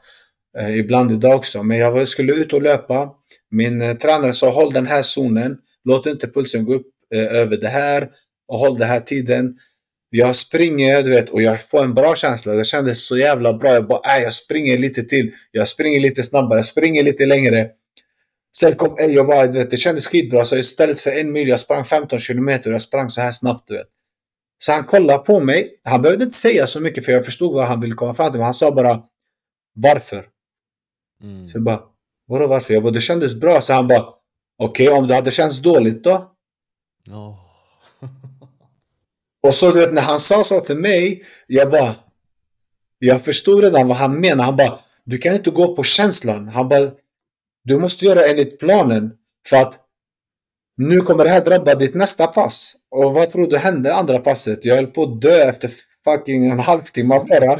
Värmde upp, jag fick mjölksyra i hela kroppen. Jag pallar inte köra tekniken som vi skulle träna på. Mm. För att jag gick på känslan. Så han sa, den dagen du har en match och du, det känns bra, wow, okej då är det bra. Men när det inte känns bra, vad gör du då? Och jag måste kunna hålla, när det inte känns bra, jag måste kunna ändå hålla det. Eh, enligt plan. Så. Mm. så den har jag med mig, väldigt, alltså, har jag med mig alltid, du vet. Känslan bara kommer och går, du vet. Tillfälliga. Mm. So call me a cynic, call me a bummer. I don't wanna be that way anymore. This life that I've been living, living without color, ain't a life worth living. Hey, it all. Men vad fick dig att söka Salim? Det här jäkla programmet i TV4. Ja, jag har fått den frågan så många gånger. Och jag har, du vet, eh, Pam, eh, när hon tog in mig för förhör, hon sa det till mig. Hon bara, varför har du sökt? Du vet. Så jag bara, jag bara, det är lite klyschigt att säga som alla andra säger. Att, eh, eh, vad heter det, jag gör det här för att utmana mig själv. Bla, bla, bla. Jag bara, okej, jag gör det för att utmana mig, jag bara har ett till svar. Och mitt svar är egentligen att jag kom hit för att jag vill dela med mig av min resa och min historia för att jag hoppas på att kunna inspirera och motivera andra att förstå att det finns alltid ett hopp liksom, om att eh, klara sig. Eh, hur tufft det än är. Och det var hela tiden mitt mål i det. Samtidigt som jag var jävligt taggad på att eh, testa och se vad jag kan göra. Liksom. Men i huvudsak så var det faktiskt att få dela med mig om min resa. Så, Mm. ja, och förhoppningsvis hitta någon styrka i det och kunna prestera även också. Men hur var det då när ni när ni kommer in där och ni drar på er utrustning och ska börja springa på fjället? Hur fan var det? Du vet, alltså, det värsta i det här, när vi stod där uppe, eh, när hon pekade på hur högt upp vi skulle springa, när vi, det, vi stod ju så långt bort så jag tänkte bara, alltså det är omöjligt att vi ska ta oss hela vägen upp dit. Det var det enda jag tänkte på, så här, jag bara, det är helt omöjligt. Jag bara, de kommer säkert stoppa oss på vägen och säga, nej, ni skulle, vi bara sa att ni skulle dit, men ni ska inte dit. Och sen jag märkte ju närmare vi kom, och ju längre bort berget kändes, jag bara shit, de menar allvar, vi ska verkligen upp dit. Men det var, vet, alltså det blev blodsmak på två sekunder, alltså i munnen, alltså oj. Så det blev, eh, ja, det blev en riktig örfil. Jag förväntade mig inte en sån brutal utmaning direkt, utan det blev verkligen som en chock för kroppen helt. Mm. Eh, Men det var skönt samtidigt efter det för att vi hade ju legat i två dygn bara inlåsta på hotell. Vi får inte prata, du vet, och bla bla bla och Exakt. sånt här. Exakt. Och jag, visste, jag ville bara göra första grejen så att man kommer in i det igen. För att du vet, man har inte tränat på ett par dagar, man skulle helst vila lite och så här. Så det var bara skönt att få göra den så att man var igång i kroppen. Och jag, jag tänkte du vet, med maten, man är van med sina rutiner, man ska äta det här äta den här tiden. Helt plötsligt klockan blev 11 på kvällen, jag har inte ens tänkt på mat. Alltså jag har inte ens tänkt på mat. Så jag tänkte bara vad sjukt att det känns så här bra utan mat. Eh, det gick bättre än vad jag trodde. Eh, men sen det blev ju värre såklart än efter ett par dagar. Eh, Fy fan. Men liksom när, när, när ni... De första tre dagarna är ju fysiskt oerhört krävande. Och liksom Mm. man ser hur dina kamrater eh, plockas bort en efter en. Och Ja. skador och, och någon får gå. Och, liksom, och du är kvar där. Hur Mm. går känslorna, tankarna? Vad är, liksom, skiftar ditt, eh, skiftas ditt mål med tiden? Eller är du fortfarande på samma bana och ganska stabil Mm. känslomässigt? Men, men min dåliga självkänsla gör ju så att, eh, eh, att jag hamnar överallt hela tiden. Så jag hade aldrig bara ett mål. Jag, ska, jag, jag levde i ovisshet hela tiden. Det var hela tiden för mig ovisshet. Så jag visste aldrig... Jag, jag visste så här, jag ska göra mitt bästa. Jag, vill inte, jag, hade, jag hade en som jag inte lät gå före mig hela tiden. Jag tänkte den här personen ska jag hela tiden vara före. Eftersom jag var före på vissa grejer. Så jag hade så här, han får aldrig komma, komma förbi mig. typ Okej, så. Du börjar tävla mot dina egna kompisar? Ja, jag började tävla med ja. Det var så i början för att jag förstod inte Även om jag har sett programmet, jag har sett alla de här UKs och australienska Där borta, jag tänkte bara att det är en tävling Mm. Tills det gick tre dygn Innan allt det där switchades Efter du vet, vi hade intervallerna för uppförsbacken där Ayla pajade sitt knä och där Just det. Eh, det, det var där vi bara vet, växte ihop, så vi hjälpte varandra. Och sen Linnea, nummer 17, hon som svimmade av när jag tog henne. Just det.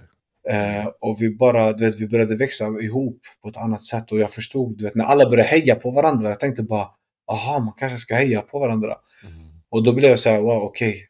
förstår. Men jag var ödmjuk hela tiden. Det var bara min, jag tror det var min osäkerhet som hela tiden, jag sökte bekräftelse på något sätt.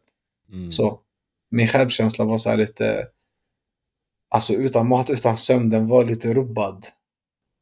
Ja, jag förstår, men hur, hur, upplev, hur tror du att dina kamrater upplevde dig när du var lite sådär som du säger, kanske lite off i början och kanske Mm. mer tävlade mot dem istället för Mm. att kanske hjälpa? Har du pratat med dem eller vad, vad, hur tror du att du upplevdes? Alltså efter elitstyrkan när jag var färdig. Du vet, jag, jag har ju bara tänkt säga, jag, ag- du vet, tankar är en sak och handling är något annat, eller hur? Så jag kan ju höra mina tankar och tro att jag är den personen jag hör, fast i själva verket, i mina handlingar, är jag helt annat. Så efter det där, eh, när jag kom ut, jag, jag, när, när alla skrev till mig och skrev så mycket fint, hur mycket jag hade betytt för dem och hur, hur de älskade när jag hela tiden sjö, gick runt och sjöng och hur jag var så glad och kunde skoja. Jag fattade ingenting Pontus. Jag bara, vem pratar de om? Är det jag? Jag fick så meddelande av flera av dem, du vet, om hur mycket, du vet, alltså så mycket kärlek. Jag blev jättekänslig, du vet, jag grät efter varje meddelande så. Och jag blev så här bara, okej okay, Salim, du har verkligen inte agerat efter tankarna, du har agerat efter det som känns rätt. Du har haft tankarna, alltså hört rösterna, men du har inte gjort det som tankarna har velat att du ska göra. Utan jag tror ju att folk ska döma mig, för de hör ju inte mina tankar. Men jag tror att de ska döma mig efter mina tankar. Eh, och det blev så tydligt där, de ser ju inte mina tankar. Så när de berättade du vet, och gav mig all den här kärleken, det fyllde mig så jävla mycket och jag blev så chockad och där jag förstod att okej, okay, jag har börjat switcha jag är inte den här personen som går efter varje tanke som kommer nu i huvudet. Så. Eh, och där, där förstod jag att jag tillfrisknar, jag utvecklas som person. Eh, så ja, jag ska inte vara så hård mot mig själv tänkte jag. Mm. Jag ska inte vara så hård mot mig själv. så. Jag är mycket mer omtänksam än vad jag tror och ödmjuk mer än vad jag tror. Så, så nej, så det var fint av de andra. Mm. Mm. Jag tycker också att du upplevs väldigt ödmjuk i tv. Vad tycker mm. du om din bild som du fick i tv? Liksom det tittarna mm. fick se. Är du nöjd med den? Jag, jag är nöjd. Vet. Jag, jag är väldigt ärlig Pontus. Jag är väldigt transparent som du vet. Och jag talade verkligen utifrån sanning. Alltså gjorde jag skit, jag berättade, jag sa skit. Gjorde jag dåligt så jag sa jag det dåliga. Gjorde jag bra så kunde jag lyfta det som var bra liksom. Och jag tyckte det blev en rättvis bild av mig. Så, väldigt rättvis bild. Jag tyckte jag hanterade TV mycket bättre än vad jag trodde jag skulle hantera. Jag hade ett lugn på ett helt annat sätt än vad jag trodde. Du vet, i, i rummet med instruktörerna, jag kände mig väldigt, väldigt bekväm. Mm. Väldigt bekväm. Jag kände mig så här, de kommer inte kunna göra alltså, någonting mot mig som inte jag vet om mig själv. Så säger de du har gjort sådär, jag, kommer, jag vet om jag har gjort det eller inte så kommer jag säga ja. Alltså det, och du, du, vet, I ärligheten, jag har ingenting att gömma. Så jag har ingenting att vara nervös eller rädd för. Förstår du vad jag menar? Mm, mm. Så när du är ärlig, du har ingenting att gömma. Då behöver du inte tänka och vet, planera vad du ska säga. Och det är det som var skönt. Så jag kan vara mig själv. För jag, jag kommer säga sanningen liksom så. Jag vet till och med en gång, det kom inte med i tv. Men när Slam sa att han bara, ah, det går inte så bra för dig i förhör. Så de, jag vet inte om de testade mig eller om de ville så här.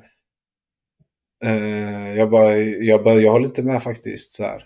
så han bara, vad är det som går bra då? Jag var på fysen på, i stranden på morgonen och den här gubben, du vet när jag fick upp den på axeln den satt ju klockrent. Jag har aldrig gjort det innan. Så han bara, nej det stämmer. så sa han bara, nej det stämmer. Men sen gick ju dåligt i den här boxen vi gick in i. Jag bara, sen på kvällen dock när vi skulle till boxen, det gick inte så bra. Han bara, nej det gick ju åt helvete. så han bara, vet, vet. Han höll med du vet, för att han, han tänkte bara okej, okay, han hade rätt, det gick ändå bra där. Men så han bara, nej sen gick det åt helvete typ. Så han var tvungen att lägga in det. Kände du att eh, man hade lite auktoritetsproblem med instruktörerna när man liksom tänker att det är före detta soggare, de är så jäkla hårda, skriker på oss. Eller kände, alltså, som du säger själv, att du var, du, var, du var bekväm i förhören. Men kände du att du hade något sånt där, bara shit, fan jag är lite rädd för dem? Uh, det, jag, jag, alltså jag, jag gillar auktoritet på det sättet just när det gäller sådana här grejer. Disciplinen från boxning. Min tränare, vet, folk snackar att de inte har gått militären och så, eller gjort mönstringar så här. Och, eller lumpen. Men jag, jag kan säga min coach, det var nog lite värre än lumpen kan jag säga. Han är stenhård alltså, stenhård. Eh, och jag, jag, jag gillar det där på något sätt. Jag får en kraft av det, du vet när de är så här. De, de är ju så mycket, du vet säkert själv, men jag, jag upplever så mycket ödmjukhet från dem. Jag känner av det. Alltså förstår du? I det här tuffa, det finns en respekt för mig, du vet, de, du vet jag ändå jag praisar dem lite högt så här för att jag vet vilka de är och så. Så det gör ju mig så här att jag, jag böjer på nacken gärna utan problem och tar till mig lärdomar. Du vet, Pam kunde stå ibland på uppställningsplatsen och när hon, sa, du vet, när hon pratar om eh, hur vi ska hitta styrka i varandra, du vet, och, du vet, pusha på ett sätt som inte tas med så mycket i tv på grund av kanske att de ska eh, synas på ett visst sätt sådär. Men jag, jag fick ju sån energi, du vet, alltså vi, när vi rundade den här jävla gula pinnen som jag hatar mer än någonsin annat. Hon, pep, hon körde en peptalk, du vet, med oss. Och sen, du vet, hon bara runda gul pinne, du vet. Jag fick så mycket energi. Så jag, du vet, jag låg alltid så här tredje, fjärde plats typ i allting så här. Men på denna gången när hon peppade så jag sprang allt vad jag hade. Jag kom först av alla. Sen hon bara, bra jobbat nummer 18. Och sen hon, du vet jag stod jag höll på att dö. Sen hon bara, gul pinne igen. Och då jag bara, fuck det här. Då jag sprang halvfart. Då jag pallade inte. För jag, jag, du vet, hon fattade att jag gav allt vad jag hade där. Men jag skulle inte orka göra det igen. Så andra gången så kom jag tillbaka till min plats. Då.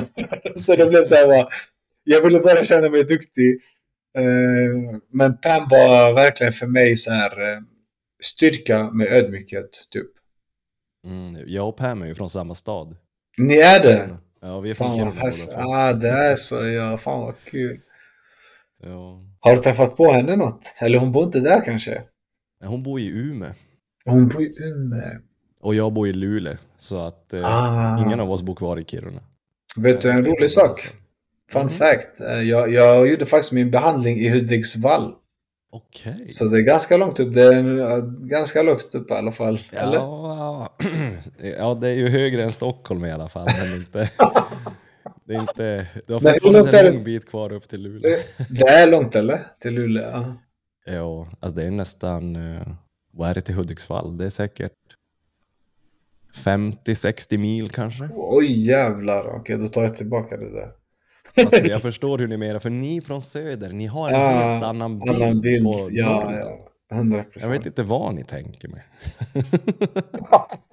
Det är inte med geografiska minnet i alla fall. Jag, jag har ju varit på Bosön faktiskt också och boxats. Okej. Eh, förlåt, b- det? jo, inte Bosön säger jag. Bosen. Boden menar jag. Boden, ja det är Ja. Boden, det, är bara, Boden. det är tre mil dit. Det är tre mil. Ja, Ja. Boden har jag varit i. Mm. Så jag har varit ändå ganska långt upp. Det har du, då har du varit nära. Mm. Så det skulle jag sagt kanske istället för Hudiksvall. jo, det, det hade jag Det, köpt. det var ju ett par stycken som var från Luleå och Umeå. Som de sa. Jag säger alltid Luleå och Umeå. Luleå. Men de säger Luleå. säga hur man. Umeå. Det stavas ju Luleå. Ja, jag lärde mig Umeå där faktiskt. Umeå, Luleå. Mm. Men ehm, jag tänkte också, det man faktiskt får se i tv, det är ju det att du hade det lite kämpigt i vatten. det var understatement. det var snällt sagt. Hur, Lite hur kändes det ja. liksom, nu när man får prata med dig? Vad, vad för sig gick där i kropp och hjärna? Ah.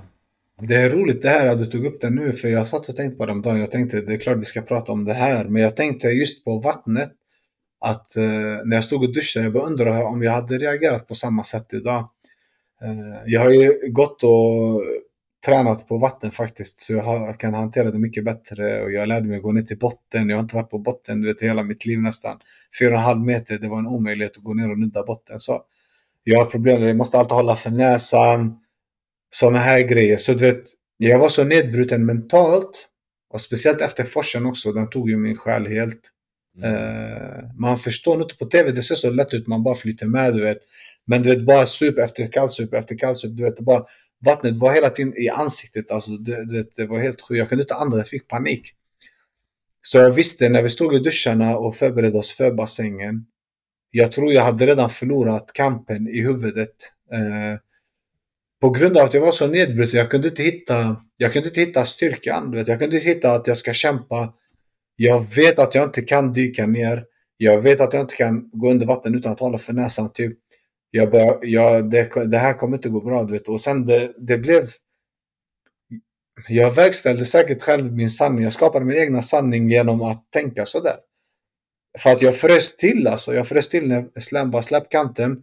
Jag bara frös till. Jag, jag vet, när jag såg mig själv på det, jag tänkte bara, vad gör du? Jag bara testa i alla fall, ta bort din jävla hand liksom. Gå ner, testa.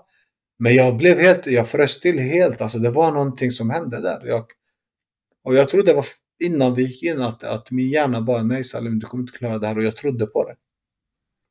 Mm. Jag föll offer för tankens kraft. Men där i forsen, var det du, eller vad hette han andra killen? För det var ju någon som var så här, bara, jag kommer klara det här lätt. Sami, Sami, Sami. Ja, Okej, ja då var det inte du.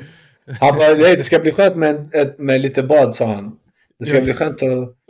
Och slam var ju sten. Ah, han bara, du ska man vara kaxig, då ska man kunna backa upp det också. Han bara, jag, vet inte vad kaxig. Han hade svalt också hela forsen. Alltså det... Fy fan. Ja, det var fan, det såg faktiskt brutalt ut. Ja, du, de som är bekväma i vatten kan jag säga kände sig obekväma. Så det påverkade nog oss alla. Vad skulle sätt. du säga var det absolut jobbigaste med elitstyrkan? Eh, jag tror ovissheten, du vet man sitter där och gissar hela tiden saker och ting. Mhm. Alltså fattar du? Eh, Vi satt bara i ring och bara ej vi kommer säkert göra det här, vi kommer säkert göra det här, tänk om vi ska göra det här. Och du vet, bara håll käften och bara vänta på det, ta emot det. Men det gick inte, man ville bara veta hela tiden. Så det var väl det egentligen. Och sömnen, du vet. Jag, sömnen för mig, jag kunde inte sova så mycket. Du vet, stressen på kroppen. Jag tror jag sov som mest en och en halv timme någon gång. Mm. Alltså så. Jag var hela tiden... de er också mitt i natten? Ja, ja, ja. Hela tiden som de ja. Ja, hela tiden. Så det blev aldrig någon sömn på det sättet. Jag vet en gång, en gång när han kom in där jag inte vaknade av, när han kom och knuffade på Linnea, jag vet inte om du kommer ihåg, så han ruckade. Stå upp sa han. Och sen jag, du vet, jag reagerade efter typ tredje gången. Så jag tänkte bara, vad fan är jag? Och det är för att jag brukar vara väldigt så här, lätt och jag har lätt för att vakna. Men där förstod jag, okej, jag har verkligen fått lite sömn för att jag var djupt där. Men annars, det var svårt med sömnen alltså. Svårt att bara stänga av och sova. Mm. Men det blir lite grann som att man, man vågar inte stänga av. För man Nej. vet inte vad som händer. Det är det som är Nej. poängen. Ja. Hela tiden, du vet, du vet, jag började höra, du vet, folk började höra hundar skälla. Jag vet inte om det var bara inbillat, alltså man inbillar. Jag, sen jag började tänka på det, sen jag bara, fan det låter som att det är någon som skäller, eller en hund som skäller. Sen du vet, alltså man, jag tror det blev lite hallucinationer utan att man, ja, som inte blev för starka dock som tur var. Annars man var ju tvungen att rapportera, men jag gjorde inte det. ja va- var man tvungen att rapportera om man fick hallucinationer? Ja, för att det kan ju bli farligt så de skulle säkert Just. göra något. Ja. Just Det stod, jag tror det stod i mejlet som vi fick. Ja, det kanske gjorde det. Nu är det så Ja. länge sedan. Det är ju fan tre Ja, år sedan. Det är tre år sedan, just det. Fan. Fan. Ja. Ah, det är häftigt. Alltså det är en häftig resa man gör. Jag är så tacksam att jag gjorde det där. Du vet, det som många inte tänker på är den gemenskapen som byggs där i, på så kort tid. Du vet, vi, jag har så många vänner fortfarande därifrån som jag troligen kommer ha som vänner hela livet. Vi förstår varandra, du vet, på ett helt annat sätt. Och det är en häftig, häftig resa att göra. Jag lär mig än idag saker du vet, som jag gjorde. Alltså, jag trodde inte så här 6, 7, 8 månader efteråt att det skulle komma in nya insikter till mig hela tiden. Och det har kommit allt eftersom. Så fort jag är med om någonting, du vet, det bara smäller till. Jag bara, ej, just det, det där hände där. Och jag kan förstå mycket saker alltså, på ett helt annat sätt. Mm. Nej, jag håller Det med. Det, häftigt, sätter ja. verkligen, det sätter sina spår. Det gör det. Alltså för, första testet som jag upplevde var ju att när, ehm, när jag kom ut därifrån och sen jag var, eh, men jag var på hotellet och eh, människor som skulle äta frukost, du vet, de klagade över hur baconen var stekt, att den var stekt för hård och någon, alltså fattar du? Så jag satt där bara, alltså jag bara, är det jävla luffare? Alltså jag var så arg. Mm.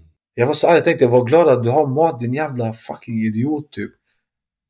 Och sen kom jag på mig själv att jag var såhär, okej varför är jag så aggressiv? Du vet, jag var så aggressiv. Jag var såhär, fuck you, ni fattar ingenting. Jag bara, ni vet ingenting. Om ni bara visste vad, vad vi har varit med om typ. Och jag blev så här bara, wow, alltså ofta att jag tänker så, du vet. Men jag tänkte, shit, det är nog för att vi inte fick någon mat. Var tacksam för att det finns mat, du har mat liksom. Mm. Det blev en helt annan förståelse för det. Eh, Den var ganska tydlig, ganska snabbt sådär. Och sen någon annan så mental aspekt, typ när jag skulle gå, jag var på jobbet, jag hade inte typ ätit på 3-4 timmar. Så jag bara, "Ey, jag kan inte gå och träna, jag måste gå och äta. Så jag bara, får du gå och äta? Du var med i fucking elitstyrka sju dygn. Du åt ingenting och tränade så många pass om dagen. Så jag bara, just det, jag bara, håll käften, gå och träna. Så gick jag, gick jag och tränade, det gick hur bra som helst liksom. ja. Ja, så det, det är lite sådana grejer som är lite trevliga att ha med sig. Mm. Vem, vem blev du eh, mest tight med där inne? Som du känner bara shit. Där inne var, ja, där inne var faktiskt Linnea, eh, nummer 17, hon som svimmade av. För att vi sov ju jämte varandra så vi blev jättetajta så, var väldigt snabbt så. Jag vet inte var, varför, det känns bara naturligt. Det känns som en syster direkt så här. Jätte, jätteovanligt, även om jag är öppen mot alla så, men eh, just henne så. Var faktiskt den första när jag tänker tillbaka som blev så här, wow. Direkt. Men ja, sen blev det ju allt, alltså alla, alltså jag och Thomas var ju inte så tajta där inne. Eh, men vi blev ju efteråt. Mm. Där inne, alltså det var så här, vi, vi, typ, vi skrev ju brev, han skickade ju brev till mig till och med. Jag skrev ett jättefint långt brev. Och så skrev jag brev, så vi brevade lite till varandra, Ja, jättefint. vad kul. Uh, så vi blev ju tajta efteråt. Så där inne, vi var lite så här, det var lite gott och blandat. Ibland, ibland inte, ibland, ibland inte, du vet. För som Thomas sa själv, i början, det var så att de som var lite starka umgicks med varandra. De som kanske var lite längre bak umgicks med varandra. Så det blev grupperingar. Och jag tänkte inte på det, det var tydligen, det måste vara typ the nature, du vet, att det blev automatiskt så. Utan att man tänkte på det. Men sen automatiskt så började vi alla, du vet, komma närmare varandra så. Så det var mycket efteråt när man förstod saker och ting. Jag och Sami blev ju också jättebra vänner. Vi har jättebra kontakt. Eh, Thomas, eh, Torsten, eh, Ida. Ja, alltså det är typ, alltså det är väldigt många. Alltså det är många som, ja. Det är häftigt. Men Eddie. jag måste få fråga dig också Salim. Mm. Eh, något som jag tyckte var jätteintressant eh, i tv. Det var ju då när ni skulle ha de här stationerna. Och så Mm. kom det fram att, eh, var det Sebastian han hette, att han hade fuskat. Ja. Och sen när Ida liksom kommer fram i, när ni är på logementet och Aha. säger att men fan. Och sen blir det liksom, i tv syns det som att eh, liksom, man stänger ute lite Mm. grann. Trots att Ida har en poäng där. Hur Ja. upplever du den situationen? Alltså den situationen, jag ska vara helt ärlig, jag hörde inte ens vad Ida sa eller vad Ida tänkte. Jag var så säker på att det som jag tänkte var rätt. För Mm. att han hade gjort fel. Förstår du vad jag menar? Så när Samme hade gjort helt fel övning, då förstod jag att det är det som är felet. Och jag fastnade så mycket på felet att jag inte tog in andra möjligheter. Mm. Vet, när man fokuserar på själva felet, du kan inte lösa felet. Du behöver lyssna, kanske ta in någonting annat istället för att fokusera bara på det som är fel. Så jag bara lyssnade på felet, jag bara tänkte det är 100% det här, det är det här, det är det här, du vet, så i mitt huvud. Mm. Eh, så det är det, jag hörde inte så mycket av det som Ida sa, det, man är ju så, alltså man är ju helt, eh, det ser ut som att vi ser ganska normala ut när vi pratar och står och diskuterar, men huvudet är helt mosigt, alltså det Mm. helt mosigt. Mm. Ja, jag tyckte bara det var en sån där jätteintressant situation. Ja, tagit ja. med just i eran säsong. Så det var så Ja. bara, shit, vilket jäkla test på er. Ja, verkligen. Ja.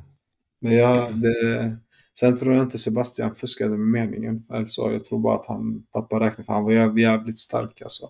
Mm, jo, jag tror jag pratade med det om Thomas också. Det, Ja, det är svårt att tro att han fuskade. nej, nej. Mm, Men jag tror eh, inte det. intressant ändå. Ja, det, det var intressant. Jag vet inte varför där det blev, alltså, vi var samlade alla i mitten. Sen, ja, vi lyssnade bara inte helt enkelt alltså på Mm. någonting annat. Vi hade en idé i huvudet och vi trodde på den. Får man ta lärdom av det också. Ja, verkligen, verkligen, verkligen, verkligen. Att det behöver inte vara det som är mest uppenbart som är sanningen. Mm. Ja, det var det jag kände efteråt. när jag ja. So call me a cynic, call me a bummer. I don't wanna be that way anymore. This life that I've been living, living without color, ain't a life worth living. Om du har hört den här frågan, om du har lyssnat på Thomas avsnitt så så tänker jag att Salim ska få ge sina tips och tricks i livet. Om du får sätta din prägel, vad vill du berätta åt lyssnarna, till mig, till oss här ute? Tips och tricks om livet. Alltså först som kommer upp i, in mind är att inte vara för hård mot oss själva. Mm. Att komma ihåg att vi bara är människor. Eh, vi kommer alltid ha brister, vi kommer aldrig bli perfekta. Eh, att tro att man är perfekt det är en illusion. Eh, illusion om att det finns en plats där det inte finns några brister, det finns inte. Så var inte för hård mot dig själv. Förlåt dig själv för saker. Andra är tacksamhet för mig som jag alltid använder. Ha tacksamhet. Tacksamhet är att se saker som de är och inte behöva tillägga något utan att de kan vara okej okay, precis som de är. Eh, och vi behöver ha den tacksamheten för att kunna växa, för att kunna sen vara tacksam för ännu större grejer. Så se, du vet, när det är som värst, när det är som tuffast, kolla runt och kolla vad är det jag har idag snarare än på vad jag inte har idag. Så. Och det kan hjälpa mig väldigt mycket och se vad jag faktiskt har. Och vart jag är idag, vart jag har varit. Det är ganska lätt för mig trots att jag fastnar i mitt huvud ibland, men jag kan fortfarande kolla på Salim, du låg på akuten, du höll på att dö. Tiotals gånger. Var är du nu? Salim, du har tak över huvudet. Du har mat på ditt bord. Alla människor har inte det. Det är så här, du vet, enkelt. Väldigt enkelt. Som jag alltid tar med mig. Så egentligen de här två stora sakerna som jag glömmer av ofta, men påminner mig själv om, är att eh, inte vara för mot mig själv. Vara tacksam. Och inte döma. Ha, försöka ha förståelse för andra människor. Så. Förstå att alla människor finns där för att lära dig någonting. Alla kommer med ett budskap på något sätt. Vare sig det är bra eller dåligt, du kommer lära dig. Som jag sagt ibland så här, nu, du vet, med min uppväxt, jag har lärt mig exakt precis hur jag inte ska göra när jag får barn. så du vet, att hur ska jag bli en bra pappa? Gör motsatsen till vad min pappa gjorde. Alltså det är så här, förstår du vad jag menar? Och, och, och det är en lärdom i sig också. Alltså tro det eller ej, du vet, i det värsta så finns det ändå lärdomar att ta. Jag ser ju vem jag är när jag ser andra människor. Jag ser vem jag är genom andra människor. Det är så viktigt att ha med sig. Vi, ja, som sagt, vi är alltid så snabba på att döma. Vi vill veta, vi vill ha ett svar alltid. Men det är väl typ de grejerna, det är mycket andlighet för mig, du vet, att eh, stilla hjärnan, du vet, meditera, att kunna landa i de här hektiska, hektiska tiderna, du vet, med allt som pågår runt omkring oss. Att ta en stund och sätta dig ner för dig själv och ta bort telefonen, ta bort eh, all elektronik och ta djupa andetag, landa. Vet du, livet är redan ohanterligt nästan. Alltså, hanterligt är det väl, men det är väldigt tufft just nu.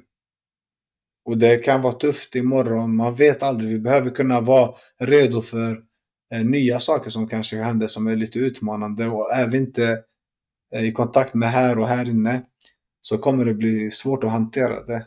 Så. Då reagerar vi på impulsiviteten och vi reagerar för snabbt utan att tänka efter. Ta det lugnt. Ta det lugnt. Allt sker inte på en dag. Tålamod. Det är ju en ganska bra prägel med Salims underskrifter där. Jag tror det. Det har funkat för mig i alla fall. Ja. Man måste ju testa. Jag har inte så mycket mer. Jag är bara väldigt, väldigt tacksam över att du faktiskt ville göra det här. Ja. Så Jag är tacksam själv, Pontus. Tack för att du bjöd in mig. Jag tycker det är kul som fan. Och det var skönt att känna din energi, din lugna energi. Så jag hörde bara din röst från början när du svarade så blev jag väldigt lugn. Så jag bara, ah, jag behövde verkligen det här idag. Och det kom verkligen, verkligen rätt tillfälle ska du veta. Så saker sker av en anledning. mm. Och för mig var det det här anledningen. Så, Så eh, tack så liksom, jättemycket. lycka till nu på din, din föreläsning. Lycka till med era, eh, med era podcastavsnitt och allting Tack ni har planerat där. Mm. Som jag sa åt dig, hoppas att du kan få med alla, hela gänget. Det hade varit kul att få prata med alla Ja, samtidigt. jag ska prata med dem. Jag ska lyfta det på, vi träffas nu i slutet av september. Två av oss i alla fall. Den tredje är på lite utflykt. Han kommer tillbaka Mm. om nå- nå- ett tag. Så får vi se till att få ihop det här. Det har varit jättekul. Men tack själv Pontus för allting och tack för alla som lyssnar på det här och hoppas ni tar med er någonting. Och var öppna för nya saker. Det är endast så vi kan lära oss. Till er där ute, på återseende. Hej då med er. Hej.